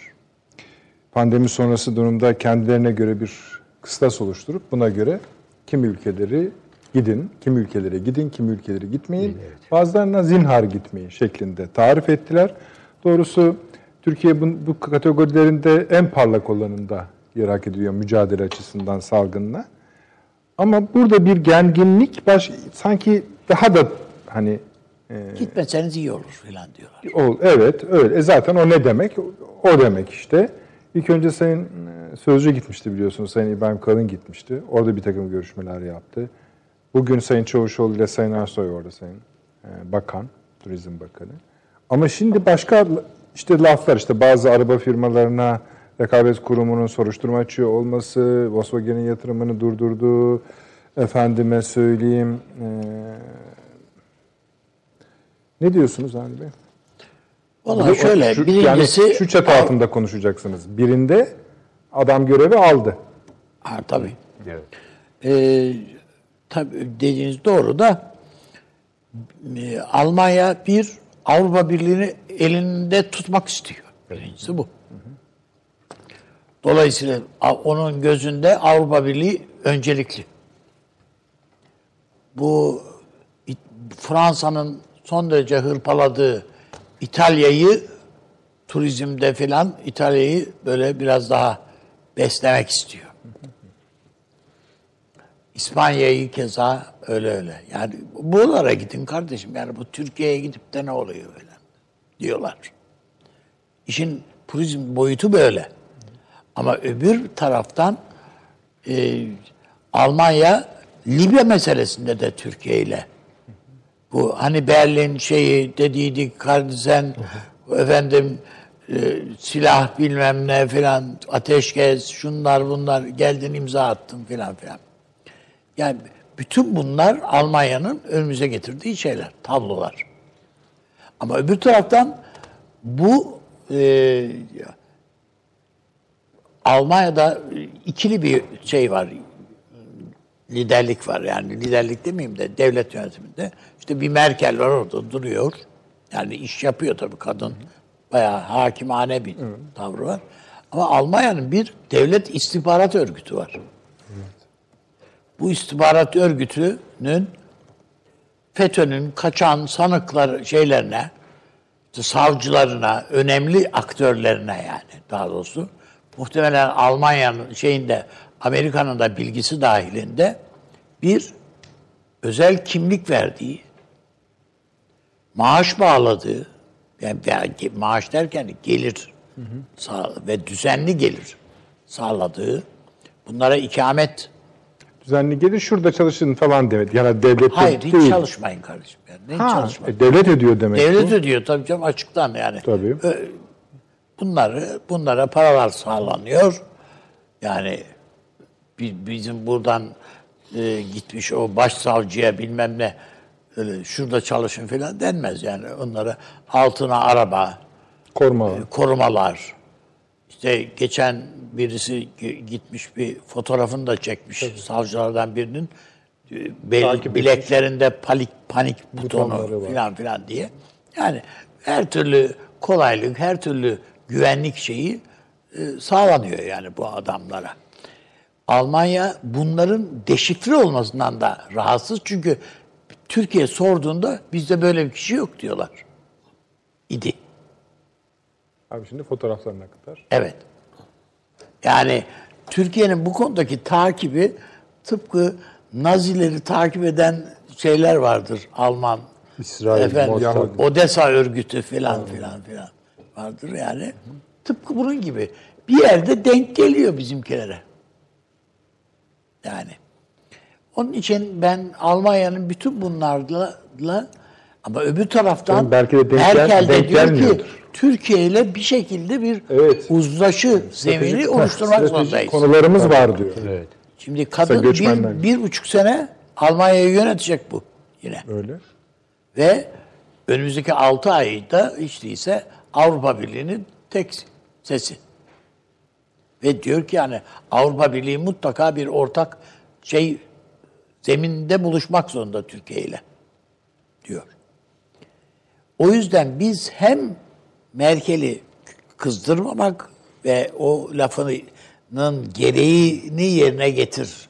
Yani bizim damarımıza basma diye. Ben iki hafta sonra Türkiye'ye dönük turizm şey, seyahat yasaklarının kaldırılacağını düşünüyorum. Çünkü Almanya'daki turizm büroları da yani Alman şirketleri de Türkiye'yi yasağını kaldırın diyorlar. Çünkü Türkiye'ye tatile gelmeye gelmeyi itiyat haline getirmiş Alman nüfus var. Var, evet. Çok kalabalık. Malın bir Burada var. gayrimenkulleri olanlar var. Bu 15 günde bir tekrarlanacak. Ayda bir Evet, mi 15 iki hafta, günde? hayır, iki haftada bir. Bir. O zaman Yani yani zaten bugün söyledi de yani dış Alman Dışişleri Bakanı şey yani iki haftada bir diye bizim bir kararımız var. Ona göre şey yapacağız falan dedi. Değerlendireceğiz tekrar falan dedi. İşte bir takım gerekçeler bulmuşlar. Mesela Türkiye'de kullanılan bir takım ilaçlar Almanya'nın tıbbi te- yani korona tedavisinde tanınmadığı ilaçlarmış falan filan filan. Türkiye'nin kullandıkları. Türkiye'nin kullandığı. Onun için mi ölüyor onların hastalığı? Yani bilmiyoruz işte gibi. Böyle bir takım sudan bahaneleri de var. Ama e, ip orada e, şeyde Libya düğüm. Öyle FETÖ METÖ değil. Yani onlar yan tarafta çerezler. Bu otomotiv sanayi meselesi. Ha, o, hepsi ama Hepsi, bunlar, anladım. hepsi bunlar çerezler. Ne olacak yani sen Siemens'i yasaklarsın. Yani soruşturma açtığında ne olur yani. Bir şey olmaz. Yani ertesi gün takipsizlik verirsin geçer gider. Ama üstüne gelmeye devam ederlerse Bu Almanya'nın problemi şu. Bu malları Alman halkı tüketmiyor esasında. Bu malların çoğunu çok önemli Türkiye tüketiyor. Yani Türkiye'de insanların birinci görevi Mercedes almak gibi bir şey yani. Ya bütün Alman arabaları. Herkesin evinde bir Alman eşyası var yani. Bir beyaz eşya var, şu var, bu var yani. Bütün hastanelerimizdeki tomografi işte şey cihazları, tıbbi cihazlar. Hepsi, bunların Alman hepsi markası, tabii. Alman malı. Yasak kardeşim dediğin anda bitti. Nereye kime satacak? Bizde has, yani Avrupa'da hastanelerde bile tomografi cihazı yok. Ciddi söylüyorum yani yok. Türkiye'de doktor muayenehanelerinde var ya artık. Yani MR'lar filan şunlar yani neredeyse. O seviyeye geldi. Bunları üreten firma, bütün dünya çapında şeyleri yani ünlü bir firma bir tıbbi cihazı ilk ürettiğinde Türkiye'de deneme amaçlı bir belledikleri doktorlar var. Ya onların çalıştıkları hastanelere gönderiyorlar. Bunu bir deneyin. izlenimlerinizi alalım diye. Onlar deniyorlar bir işte herhalde belli bir rapor veriyorlar. Böyle böyle şunu şu, şu iyi oldu, bu kötü oldu neyse falan. Ee, ona göre revize ediyorlar yani eşyayı. Bu da sıradan mallar değil yani bunlar çok büyük üretimler. Ve büyük paralar söz konusu. Aynı şey ilaçlarda da böyle. Yani e, size belki şey olabilir de böyle e, cinsel amaçlı e, şey üreten bir ilaç, e, üretilen üretilmiş bir ilaç, 40 milyar ya cirosu yıllık. 40 milyar dolar. Bu, bu böyle bir böyle bir parayı kim kaybeder yani? Yani bu kadar ilaç sanayine yatırım yapıyor. Biz işte mesela diyoruz ki ya jenerik ilacımız yok bilmem ne işte bir gripin üretmişiz onun üstüne yeni bir tane bir şey koyamadık falan diyoruz. Şimdi yeni yeni bizim doktorlarımız, araştırmacılarımız bir şeyler yapmaya çalışıyorlar zaten. Allah'tan ya bu koronanın tek faydası Türkiye'ye bu oldu. Bilimsel geliş şeyler gelişti burada. Ee, bu muazzam bir para. İşte en basitinden Amerika el- 500 bin doz ilacı almış değil mi? Evet yani kapat bir de seneyi de kapatmış. Tabii. Yani her dozun 93'ü o- yok, Amerika'da 90 her almış. dozun fiyatı 500 dolar bir de. Hocam 500 bin dolar şey 500 bin doz her doz 500 bin şey, dolar. Böyle bir şey mi var yani olabilir mi? Ama işte Bu. Peki. abi. ortada. Onun için yani Türkiye açısından bu büyük bir kavga. Türkiye Al- Almanya açısından büyük bir pazar. Yani anlaşılacak inşallah. Yani çünkü yani bu pandemi sonrası dönemde herkesin buna ihtiyacı. Almanya muhtemeldir ki bu e, Libya'da ben, ben, ben- birlikte oy, benle oyna diyor. Ya hayır şunu demesin de hani biraz Fransa'yı fazla ezdik o kadar değil demesin de. Der diyebilir. Ee, Almanya'nın bu gelişen süreçler içerisinde tek çıkış yolu bence Türkiye'dir. Yani bu Kesin doğru. doğru. o kadar net ki her alanda ama. Yani stratejik olarak da öyledir, ekonomik olarak öyledir, her şekilde. Tabii bunu nasıl götürüleceği meselesi var. Yani bunu e, belli bir eşitlikçi yapıda mı götürecek?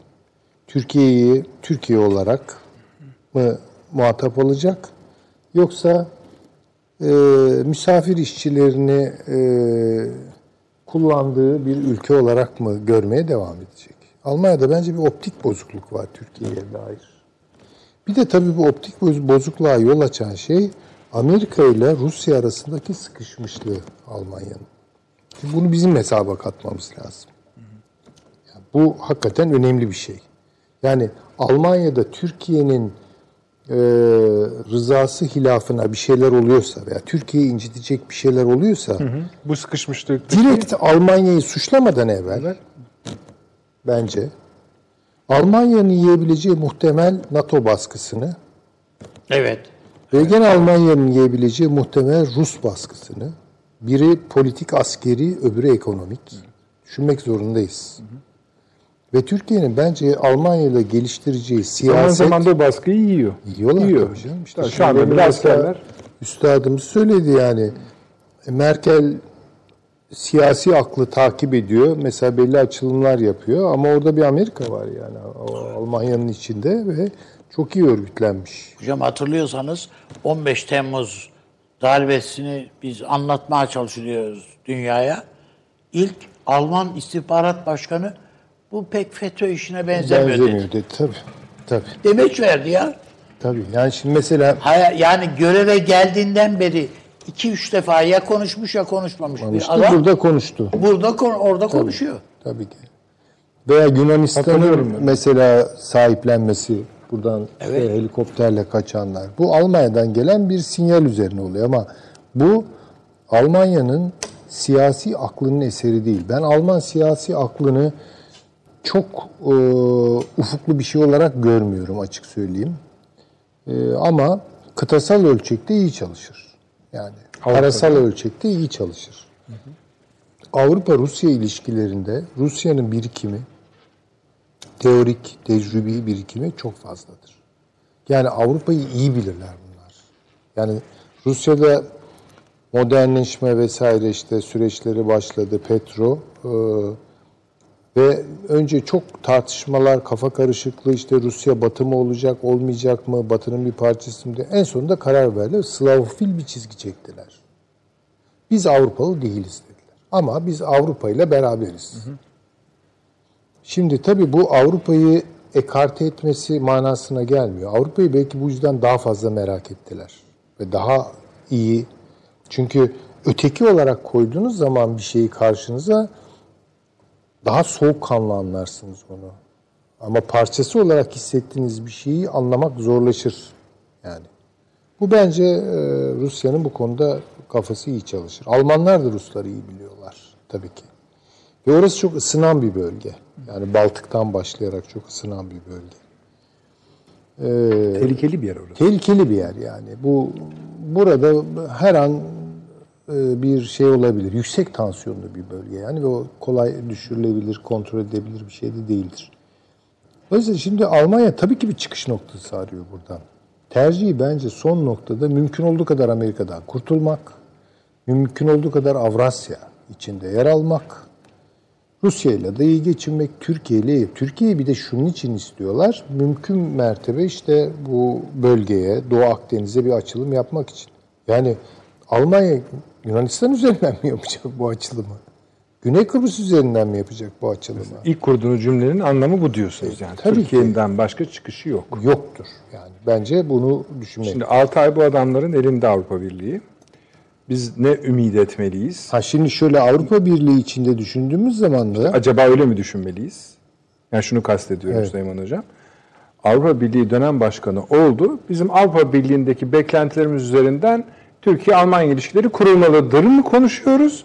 Yoksa sizin çizdiğiniz çerçeve üzerinden mi? bu Avrupa Birliği macerasını bırakalım. Yaşayın. Yani bunun bir onunla o konuda artık yeter canım. Yani hala bir umut besleyenler varsa eğer bir gün Türkiye Hocam bizim Alınacak olursa- herhalde sadece gümrük birliği anlaşmasını yenilesinler. yenilesinler tabii.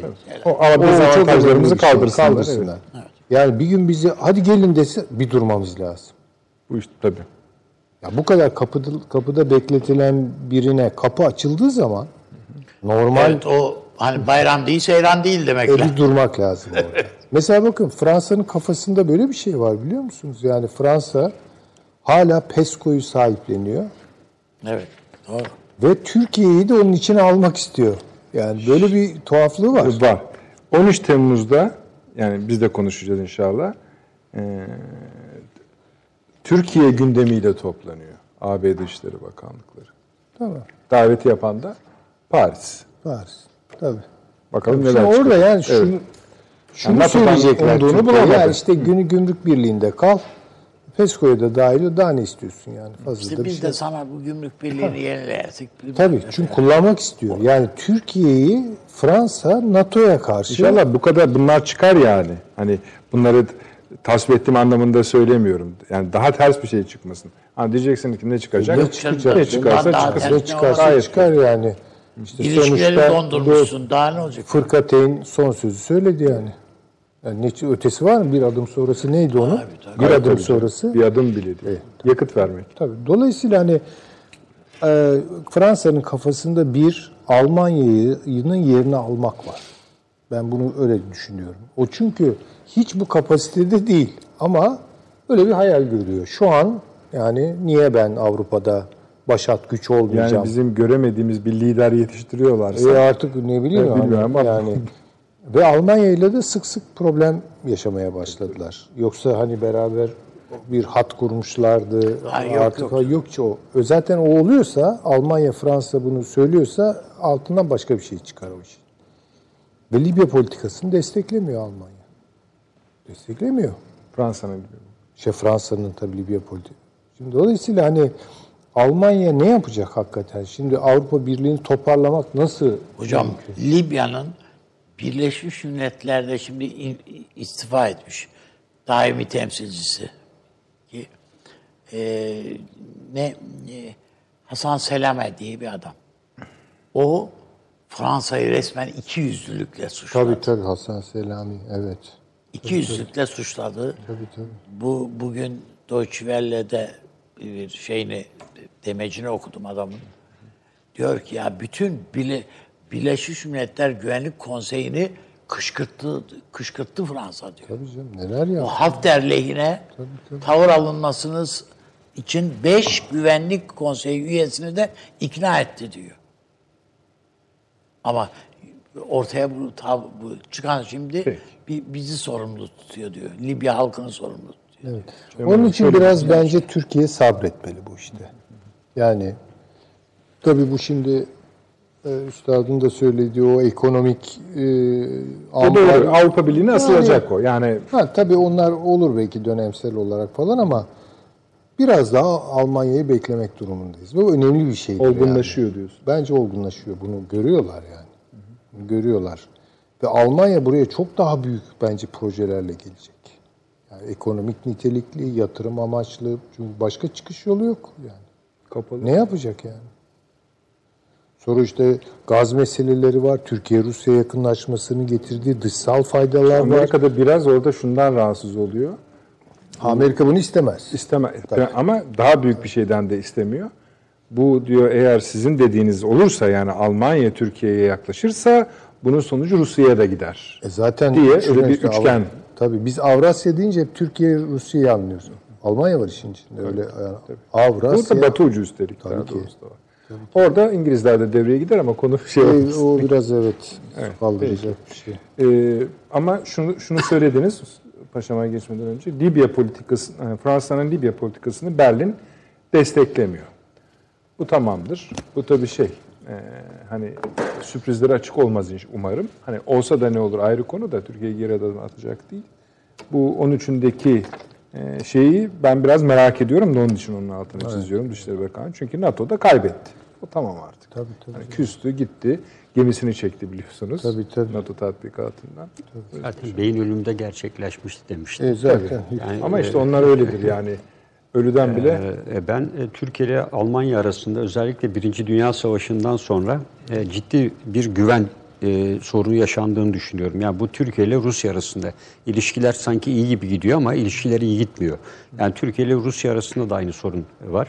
E, Almanya e, özellikle e, şu anda e, gerçek anlamda güvenlik anlamında bir kapasite kullanma ve arttırma yeteneğine sahip değil. Yani anayasal sınırlamaları var. E, ve bu yüzden de özellikle NATO'nun e, güvenlik e, açıdan yapılanmasına e, ve aynı zamanda tabii Amerika Birleşik Devletleri'nin yaklaşık 50 bine yakın e, Stuttgart ağırlıklı e, Afrika Kom bünyesine dahil ciddi kuvvetleri var orada.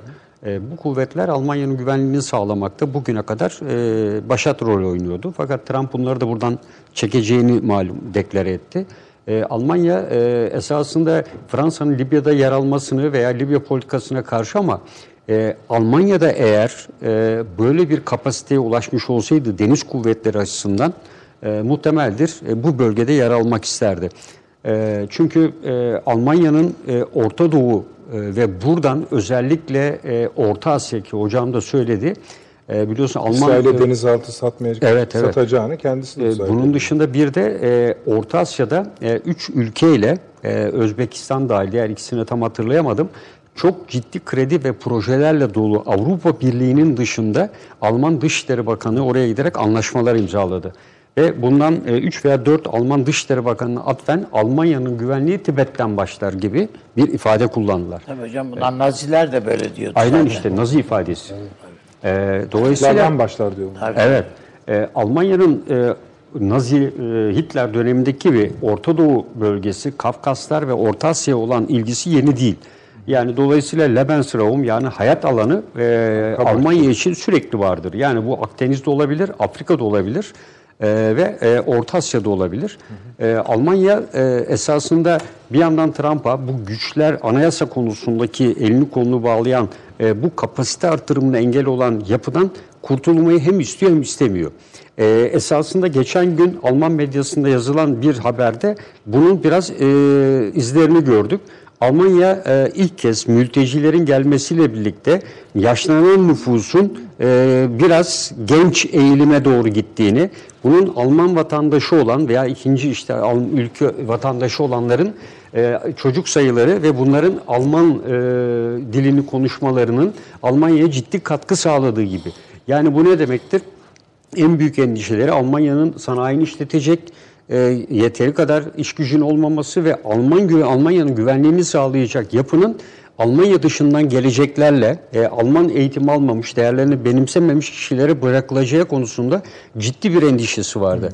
Dolayısıyla Almanya e, şimdi demografik anlamda bunların hesabını yapıyor. Yani nüfus yaşlanıyordu e, ancak e, bu mülteciler sayesinde biz bunu aşmanın eşiğine geliyoruz e, şeklinde ifadelerde bulunuyor. Şeyleri yasaklıyorlar. Mesela çifte vatandaşlık birinci, ikinci kuşak için geçer Evet. tamam serbest ama sonrasına yok diyorlar. Kesin, evet. Seçin diyor. Alman mısınız, Türk müsünüz? Ee, bu arada tabii e, Almanya'nın şu an içinde bulunduğu, daha evvel konuştuk Deutsche Bank'la birlikte e, işte e, bu otomotiv devi olan firmalar dahil, diğer beyaz eşya sanayi dahil Avrupa'da tabii bu resesyon dönemiyle birlikte ciddi talep düşmeleri var. Esasında pandemiden çok önce başlamıştı bunlar. E, ve Almanya e, sadece Türkiye açısından değil yani diğer ülkelere de e, kendi ürettiği e, şeylerin büyük bir kısmını satamaz hale geldi. Aynı sorunu Çin de yaşıyor şu anda. Yani Çin de e, ticaretinin %20'sini Avrupa'ya yapıyor. Fakat Avrupa'daki bu ekonomik kriz nedeniyle Çin satışları %5'lere düşmüş yapılan en son açıklamayla.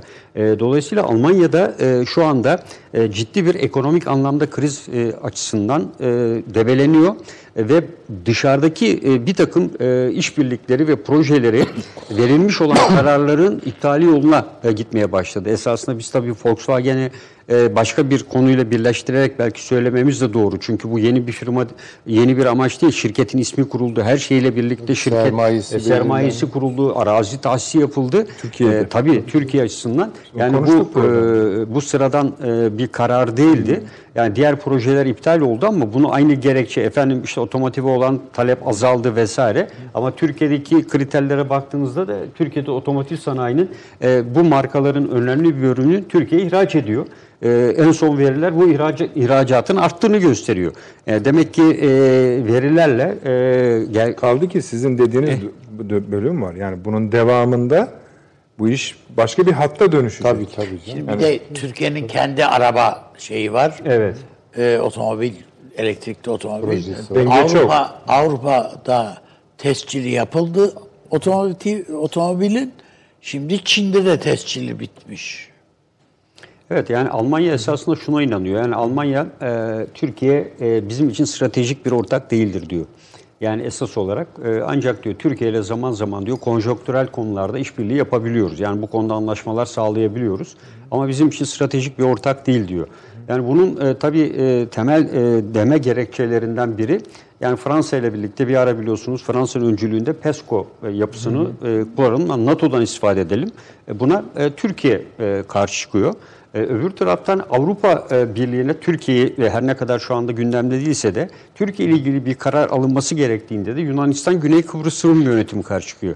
Dolayısıyla Türkiye'nin e, Avrupa Birliği içinde yer alması Yunanistan ve Güney Kıbrıs Rum yönetimi. Şimdi Vetoya. Fransa'da dahil asla ve asla mümkün değil. Vetoya. Evet zaten e, Fransa bunun izlerini e, biz yanlış genişledik diyerek e, Doğu Avrupa ülkeleri ve özellikle Balkan ülkelerinde atıfta bulunarak e, bunlar bize biraz safra olmaya başladı. E, ve bir kısmını da biliyorsunuz askıya aldılar. Yani bunu da Fransa öncülüğünü yaptı. E, esas itibariyle Fransa'nın e, Avrupa Birliği sınırlarını e, ben e, İtalya'nın hemen doğusundan e, geçen ve Rusya sınırıyla birleşen bir hat olarak e, öngördüm. Orta Avrupa. Evet, Orta Avrupa. Doğu, Doğu Avrupa'da Evet. Ortodoks ülkeleri Hristiyan bile saymıyorlar. Saymıyorlar, evet. Yani, e, Romanya, e, Bulgaristan dahil oradan aşağı doğru inen eski Yugoslavya'dan oradan belki bir iki ülke e, yukarıda Ha, orada bir tek kalabilir. Polonya var onların Evet. gözünde. e, e, dolayısıyla Polonya'da şu aşamada en çok Almanya istediği için, şey Amerika istediği için Aa, yani tabii. Doğu. Avrupa'yı NATO'ya bırakmak istiyorlar. Evet, yani. evet, evet. Ee, Yani Doğu e, Avrupa'yı bu, NATO'ya e, burası sizin olsun diyor, bu tarafı PESCO'nun olsun diye e, bir e, davranış içindeler. Dolayısıyla Avrupa Birliği'nin hudutlarının asla Türkiye'nin güney hudutları veya doğu hudutlarından değil, daha da batıya çıkma e, ve Avrupa Birliği'nin bu yapısıyla asla dinamik olmadığını, bir PESCO yapılanmasına giderse de asla bu süreci sürdürebilir olmayacağını biliyorlar ve çok ciddi kendi tabirleriyle bu safralardan kurtulmak istiyorlar. Yani çünkü her biri e, bir oy hakkıyla, oy birliğiyle alınan kararlarda bunu Yani etkiliyor. zaten bazıları biliyorsunuz Türkiye lehine fevkalade yüksek tonda konuşuyorlar. Evet, tabii evet. Macaristan. Yani zamanında işte Macaristan Gittikçe- olsun diğer ülkelerden de. Tabii ben de burada Mutsuzlar yani bu Avrupa konuda. Birliği dönem başkanlığı ile birlikte bunu yapmasının ardında en büyük neden tabii pandemiyle birlikte biz unuttuk biliyorsunuz mülteci krizi. Tabii. E, yani e, mülteci krizi e, şu anda Avrupa ülkelerinin bence en büyük korkusu. E, dolayısıyla e, bu yollarla belki Türkiye ile ilişkin bu konular e, bir pazarlık konusu olabilir. E, yani bu- Almanya Türkiye ile masaya oturacak herhalde hocam. Evet işte yani e, Zorunda. çünkü şu anda 500 binle Türkiye'de 3,5 milyon 4 milyona yakın Suriyeli var. Bundan sonra Avrupa ülkelerinde 500 küsür binle en çok Almanya kabul etmiş Evet. Suriyeli. E, diğer ülkelerde yok denecek kadar az. E, dolayısıyla tam pandemi sürecinde esasında bu politika durdu ve buradakiler işte geri döndüler. E, en çok Yunanistan da şu anda gündeme getiriyor. İşte sık sık e, televizyonlarda görüyoruz. Yunan sahil güvenlik botları mültecilerin e, botlarını batırmaya çalışıyor. Onları Türkiye karasularına geri çevirmeye başlıyor. E, Frontex dediğimiz yapı yetmiyor. Ve dolayısıyla Avrupa'nın Avrupa Birliği üzerinde ve Almanya'nın da dönem başkanı olduğu bu süreçte Almanya'nın bence Avrupa Birliği'nin birinci gündemi mülteci konusu. Ee, İdlib'de özellikle bu dönemlerde ortaya çıkacak ikinci o dönem şu anda durdu pandemiyle birlikte Türkiye'nin müdahalesiyle ama e, buradan da bir buçuk milyonluk gibi bir e, böyle bir e, mülteci hareketi e, bekleniyor.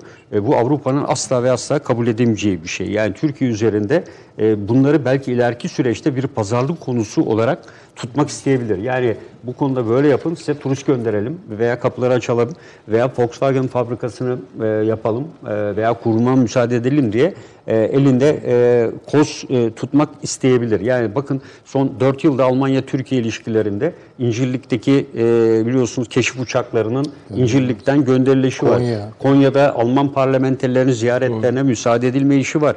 E, uçaklar gittiler Ürdün'de yer aldılar. Orada da yapamayacak. Yani Yer- yer yumruklaşarak, yumruklaşarak hocam. e, iş yapıyoruz. Onlar İşte Ürdün'de mekan tutabileceklerini zannettiler. Evet, Uçaklar bozulunca Tabii ya tozdan, tozdan bozulduğu dediler. için onlar Almanya'nın şartlarına göre yapılmış. İncirlik tabii gayet güzel, modern e, bir yapı.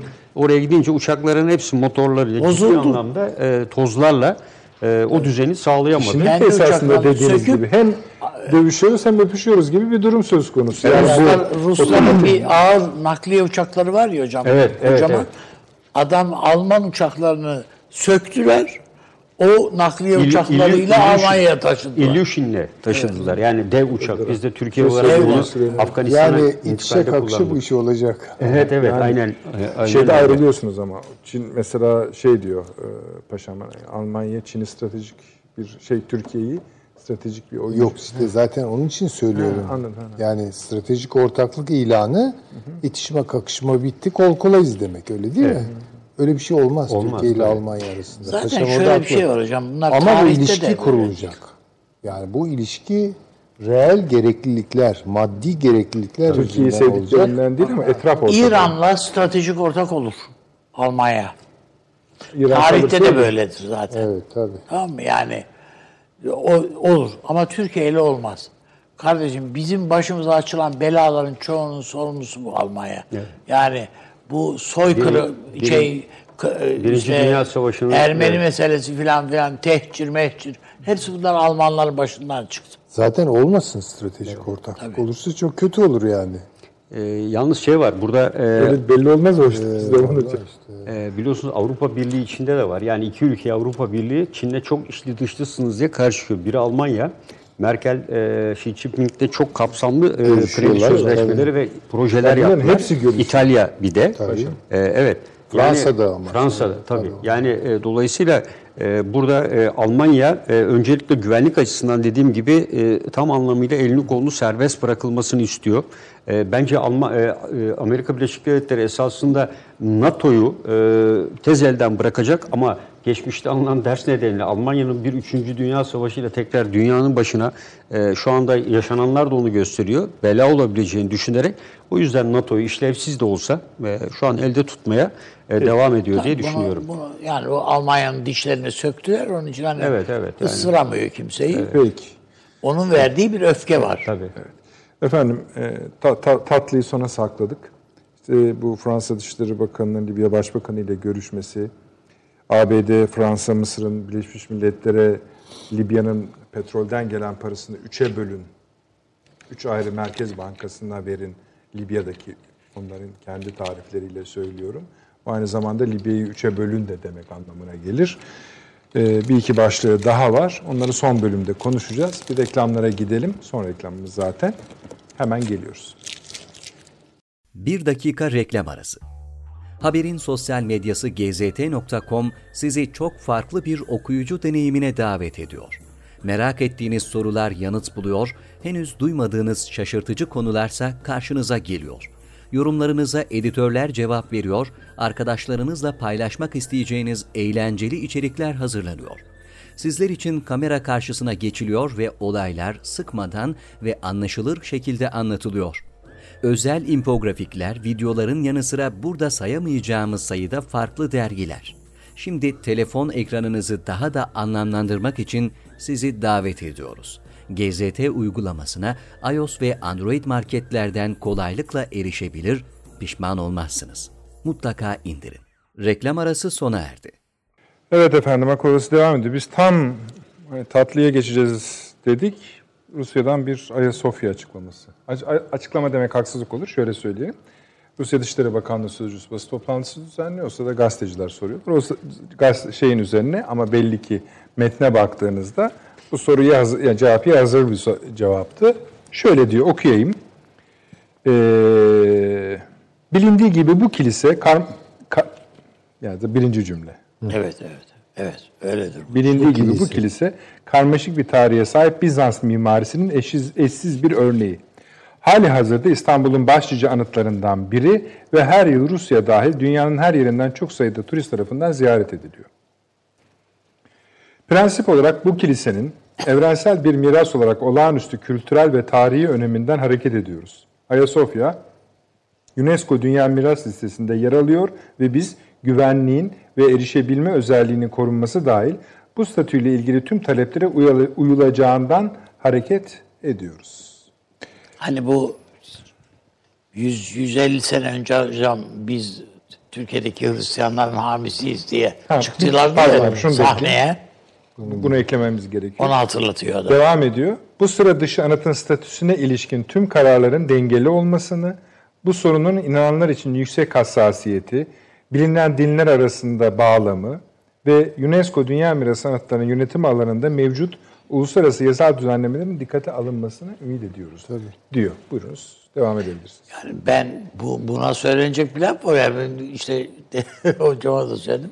150 sene önceki Rusya zannediyor kendini. Böyle zaten yani Putin şu anda zaten ömür boyu başkanlık yapma yani yeni çar bu bir bakıma. Peki. Süleyman Hocam bir şey diyecek misiniz bununla ilgili? Yani şimdi e, şu kilise değil de mesela mabet gibi Kesinlikle. daha genel geçer bir şey söylese. Yapı.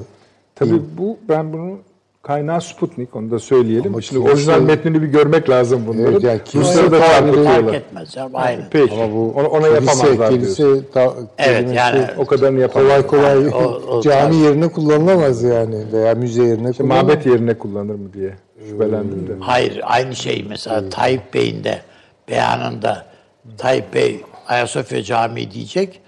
Birisi ya şey yapmayalım diye yumuşatalım diye bu Ayasofya ibadethanesi diyecek. Tayyip Bey linç eder o da yani hiç olmaz yani. E, Burada bence e, Rusya e, 3. Roma İmparatorluğunu gerçekleştirmek için her zaman bir hayali vardı biliyorsunuz. E, bunu e, üstelik bir Çariçe şu anda ismini hatırlayamadım. Onun döneminde bu hayallerini gerçekleştiremediler. Ve bu hayal e, aynen şeylerin megal iddiası gibi Yunanların e, hep ben olduğunu düşünüyorum. Yani bunu özellikle Ortodoksluk açısından e, önemli bir e, merkez olarak Hani E, bizim- başta o- konuş. Hocam bu bizim başımıza yani hakikaten bizim Nedimov diye geçiyor değil mi sadrazamımız? Ee, yani sabahları Rus elçiliğine uğrayıp ondan sonra sadarete gidiyormuş adam.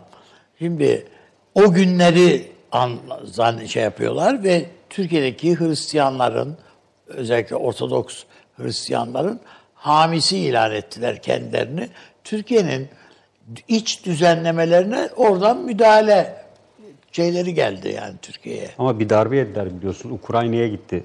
İstanbul'daki e, Ortodoks e, Patrikliği. Ama E, başta ondan- konuşuyorduk ya Evet. Hocam. Yani onların arasındaki metafizik bağ işte bir ucu da E, oralara Teopolitiğin bir tabii, ucu da tabii. Ortodoks Tabii kilisesi. tabii. Ee, siz bir şey söyleyecek misiniz? Tamam. Yani şöyle, e, bu Rusya'nın böyle bir bakışı var ama bu Rusya'yı da tökezleten bir bakış. Ama bu kadar küstahlık, Küstahlık bir zaten- ifadesi olmamıştı Evet, şimdiye kadar. bu ne demek yani bu olacak iş değil. Ee, işte daima Türkiye'yi, İran'ı filan küçümseme eğilimi var yani. Ben geçen bir Rus televizyondaki şeyi Türkiye ile ilgili tartışmaları takip ediyorum filan. Biz diyor çok dövdük bunları diyor. Yani Türkler korkarlar bizden diyor. İranlılar korkarlar bizden diyor falan. Yani şimdi böyle bir kafayla strateji, bir pazarlık, müzakere falan çok zor yani. Çok zor. Onun için hani Aslında küçük örneğini, mikro örneğini biraz Suriye'de gördüler. e, işte orada gördüler, Gördüler. tabii. Orada gördüler. Biraz Libya'da da gördüler onu. Ee, Hocam daha da göstermek lazım esasında. işte onu anlatmaya çalışıyorum. Bunu Libya onun tabii için önemli. meydan okuma değil, kendini ortaya koyma. Evet. Silik bir figürken Türkiye, Bununla NATO'nun Libya'ya girmiş olalım. Buyurun. Tabii NATO'nun silik bir figürüyken kendi siyasetini inşa edebilen bir güç olarak kendini kabul ettirmek zorunda. Burada rüştünü ispatlamak zorunda. Bu sadece işte benim sınırlarım var, bayrağım var, ben e, işte bir ayrı devletim demekle ilgili değil. Bu bir kapasite göstermekle ilgili bir şey. Bir, bir, bir o şekilde kendini kabul ettirmekle ilgili ama tarihsel engeller var. Fransa böyle bakıyor, Almanya böyle bakıyor hala, Rusya böyle bakıyor hala. Bunu değiştirmek zorundayız yani. Elden gelen Hocam yapılmalı biz- bu bizde böyle bir korku var. Hayır kesinlikle biz bu Osmanlı bilmem ne falan. Nereden çıkarıyorsunuz kardeş falan. Yok kardeşim böyle- böyle bir şey. Ya bütün hepsi bunların bir şeylerin peşinde koşacaklar. Bir tek sen koşmayacaksın. Yurtta tutacaksın falan böyle bir şey olmaz ya. Ya Kavafis'in bir şiiri var biliyorsunuz. Çok da güzel bir şiir. Kavafis yanılmıyorsam. Ee, sen şehri, ter- yani mealen söylüyorum. Sen şehri terk edip gidebilirsin ama bil ki şehir arkandan gelir. Bunu mesela bu çok güzel bir şiirdir yani. Mealen tabii yani söylüyorum. Tabii anladım. Ya bu e, tamam yani beğenmeyebiliriz Osmanlı'yı falan, eleştirebiliriz orada yapılan bir takım şeyleri. O da nasıl yani tarihi eleştirmek de tuhaf bir şeydir ya. Neyse yani reddi miras yapabiliriz. Bütün bunlar olur ama kurtulamayız yani. Arkanızdan. E arkanızdan gelir o yani. Peki. Gelir yani. Yani yok bu bu Libya bilmiyorum. Abi sen ne gör şu anda eder. nedir Libya'daki durum senin? Şu Bana göre, konuştukların bana göre Türkiye artık bekleyeceği bir şey yok yani Türkiye'nin ya. Evet. Belki de ba- bilmiyoruz ki belki de bağlanmış. Bak Bilmiyorum, ABD, Fransa, Mısır neler yani yapıyorlar yani. İki hafta mı sürüyor yani bu şeyin Bence görüşmelerde bir şey var. Yani bir şey var derken sorun anlamında söylemiyorum. Pozitif de bir şey çıkabilir. Bilmiyorum. Rusya ile kapışmak İşte- istemiyor Ankara. Canım işte mesela Fransa Dışişleri Bakanı'nın şu anda Saraç'ta yaptığı görüşmek ne demek? Görüşme ne anlama geliyor sizin için? Ha- Hayırlı bir şey değil. Niye hayır olmasın? Ya bu Fransızların burnunu soktuğu hiçbir şeyden şimdiye kadar hayır çıkmadı ki. Hayırlı bir şey değil yani bana göre. Yani- Yani Fransa eğer bak şöyle bu Macron eğer Tayyip Bey'i arasa ve oturalım bir konuşalım bu işi dese ha derim ki tabii, tabii. tamam Ha, bu tamam. Yani bu iş farklı bir mecraya oturabilir. Ee, Bir iş yani filan da diyebilirim. Fransa Dışişleri Bakanı'nın Saraç'la o abi ne hesap diyeceksin yani gidip soracaksın Saraç'a. Peki. Paşam siz Yani, e, bence e, artık e, bu harekatın e, yani Sayın Cumhurbaşkanı da Katar'a gitmesi e, ağırlıklı olarak ben Libya konusu olduğunu düşünüyorum. Çünkü bu konuda iki önemli e, ortak e, ve birlikte hareket eden iki ülke. E, bu süreç uzadıkça tabii e, bir tarafta e, Birleşik Arap Emirlikleri, Suudi Arabistan'ın ekonomik anlamda destekledikleri bir yapı var. E, Diğer taraftan da Türkiye'nin aynı anda devam eden çok sayıda e, harekat var. Yani Afrin'den tutun e, dünya çapında da Somalisinden e, Katar'a kadar birçok e, ülkede de askeri birlikleri var ve bu harekatı idame ettirmek özellikle bu pandemi sürecinde e, ve e, kara sularımızdan e, ve kıyılarımızdan oldukça uzakta bu, bu tür bir yapıyı sürdürmek e, sürdürülebilirlik açısından e, zaman zaman tıkanmalara yol açabilir. Yani bu süreç İdlib'de bunu idare edebiliriz. Yani lojistiği ve benzeri şeyler 40 kilometreden e, getirebiliriz. Ama Ama- e, Libya'da bunu uzun süreli sürdürebilmek ve bu süreci e, İdlib'deki gibi düşük yoğunluklu bir seviyede uzun bir süre bırakabilmek pek mümkün değil. E, bunun e, sürdürülebilir olması için e, sonucun bir an önce harekat askeri yönden veya politik yönden e, alınması Sağlanmak gerekiyor. zorunda. Evet. Şu andaki bence e, Türkiye'nin süreci hızlandırmasının altında yatan en büyük nedenlerden biri bu. E, diğer taraftan Almanya her ne kadar Libya ile e, Fransa'nın Libya politikasını e, uygun görmese de e, Almanya'da e, esasında e, Afrika'da e, söz sahibi olmayı her zaman için isteyebilir. Dolayısıyla Sayın Cumhurbaşkanı Merkel görüşmeleri elbette turizm, pandemi konuları falan e, söz konusu olabilir ama e, bu konuda e, belki e, Almanya'dan da Fransa üzerine belki bir baskıda bulunması demeyeyim de e, Fransa'yı bir şekilde Avrupa Birliği ve NATO içinde evet o e, onu e, o istemiş olabilir. Yani bu biz ikili görüşmeleri sadece bize turist gelsin vesaire gibi kapsamında düşünmemek lazım. Bunların her bir görüşmenin altında Suriye ve Libya mutlaka e, okunduğunu e, düşünüyorum. E, Fransa ile e, Türkiye daha doğrusu hızlandırmak istiyor ve bunun içinde e, bir takım destek ihtiyacı veya bir takım e, kuvvet ihtiyacı var. Yani bunu nasıl karşılayabiliriz, bunu nasıl sürdürebiliriz diye Katar görüşmeleri bu açıdan. E, bunun tabii ekonomik boyutu, kuvvet boyutu da var. E, diğer tarafta Fransa Saraç'la görüşmüş olabilir? E, Sisi'ye söyletip sonuç alamadığı, Birleşmiş Milletler'e söylettiği ateşkes. E, ateşkes içinde e, kendilerine elbette bazı e, havuçlar, e, bir takım şeyler e, sunulmuş olabilir. Yani bu özellikle e, ele geçirdikleri Sirte ve Cufra dışında kalan bölgelerin e, tamamen kendilerine ait olduğunu veya kendi kontrollerinde olduklarının kabul edilmesi gibi e, bir takım e, onlara e, taahhütlerde bulunmuş olabilirler. Ama birinci taahhütün Türkiye ile olan işbirliğini kesmenin ve ateşkes olduğunun e, Kesinlikle kesin. Evet. Yani hani Türkiye belki şey bile dememiş olabilir. Hani Türkiye ile kes ilişkini deme, dememiştir de Der.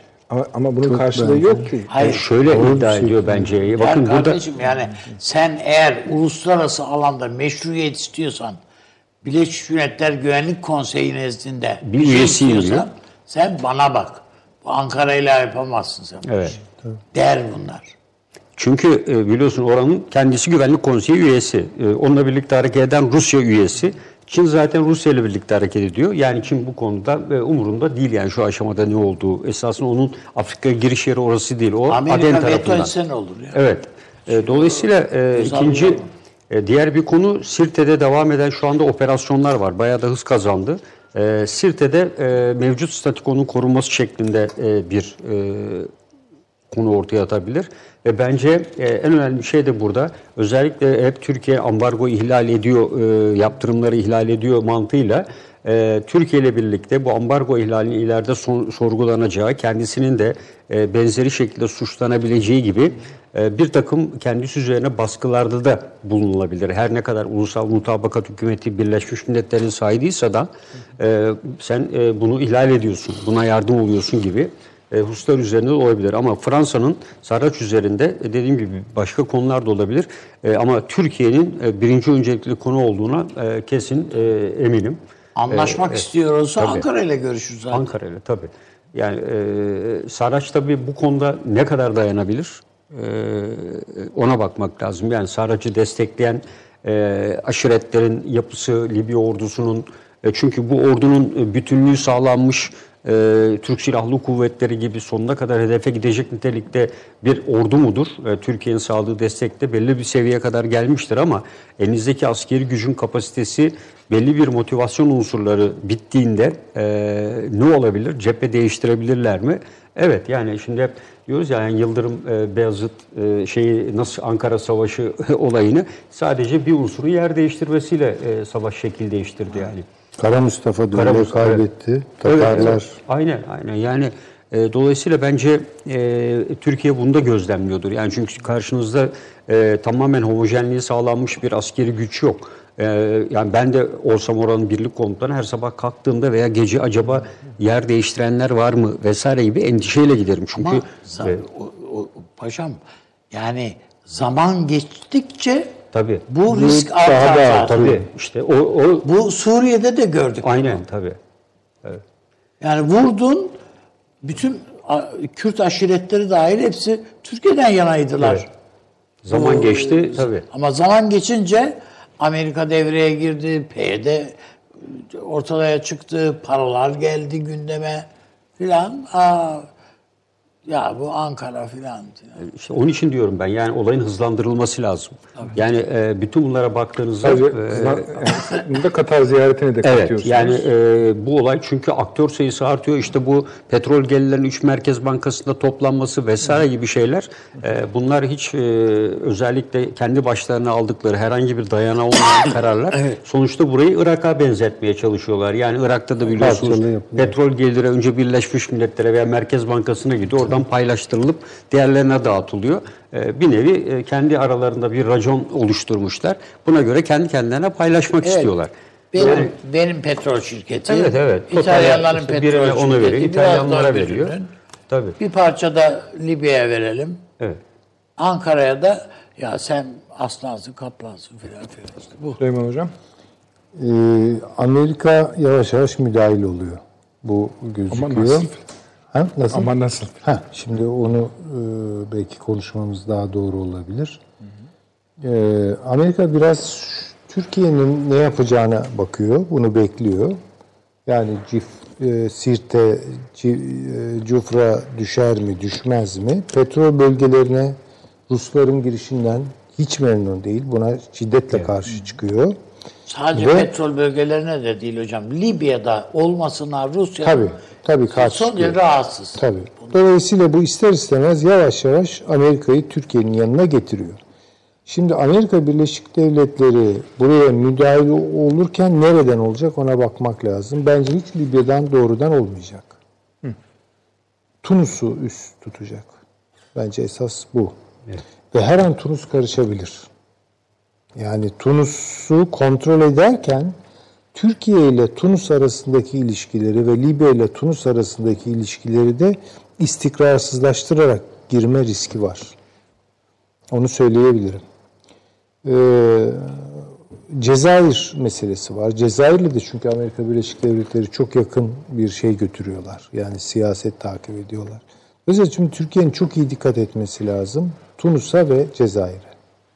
Yani arkayı unutmamak zorunda Türkiye. Amerika girerse oradan girer. Ya girip de ne? Üs alacak. Üsler kuracak.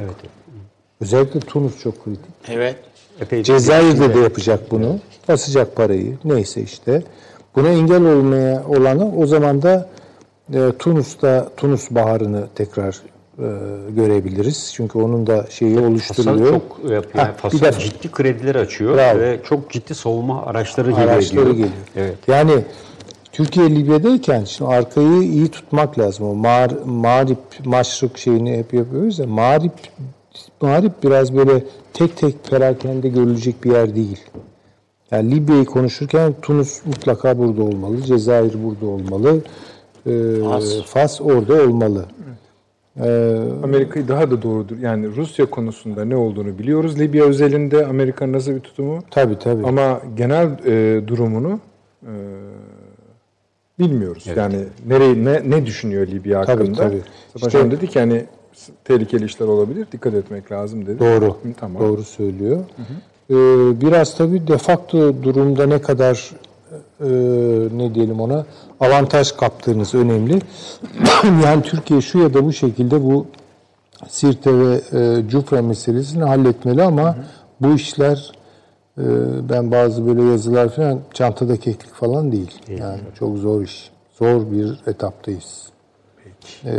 Ama burada tereddüt Ama tereddüt zorluklu tabii. Ayrı bir şey. Doğru dediğin. yani Amerika'nın e, tavrı Amerika'nın da Türkiye'ye mahkum. Yani kendisi oraya asker çıkaramaz. Muhakkak ama demez. Türkiye'de Ama çok Türkiye'nin de o bölgede çok inisiyatif kazanmasını Tabii. da istemez. Hocam şu en azından e, yani yani bir laf var ya bildiğin şeytan bilmediğin şeytandan daha iyi. Ha, tabii, tabii. Yani istediğin kadar Türkiye'yi sevme. Ama netice itibariyle burada bununla iş tutmak bir Amerika için daha pratik. Doğru. Yani işe bakıldığı vakit.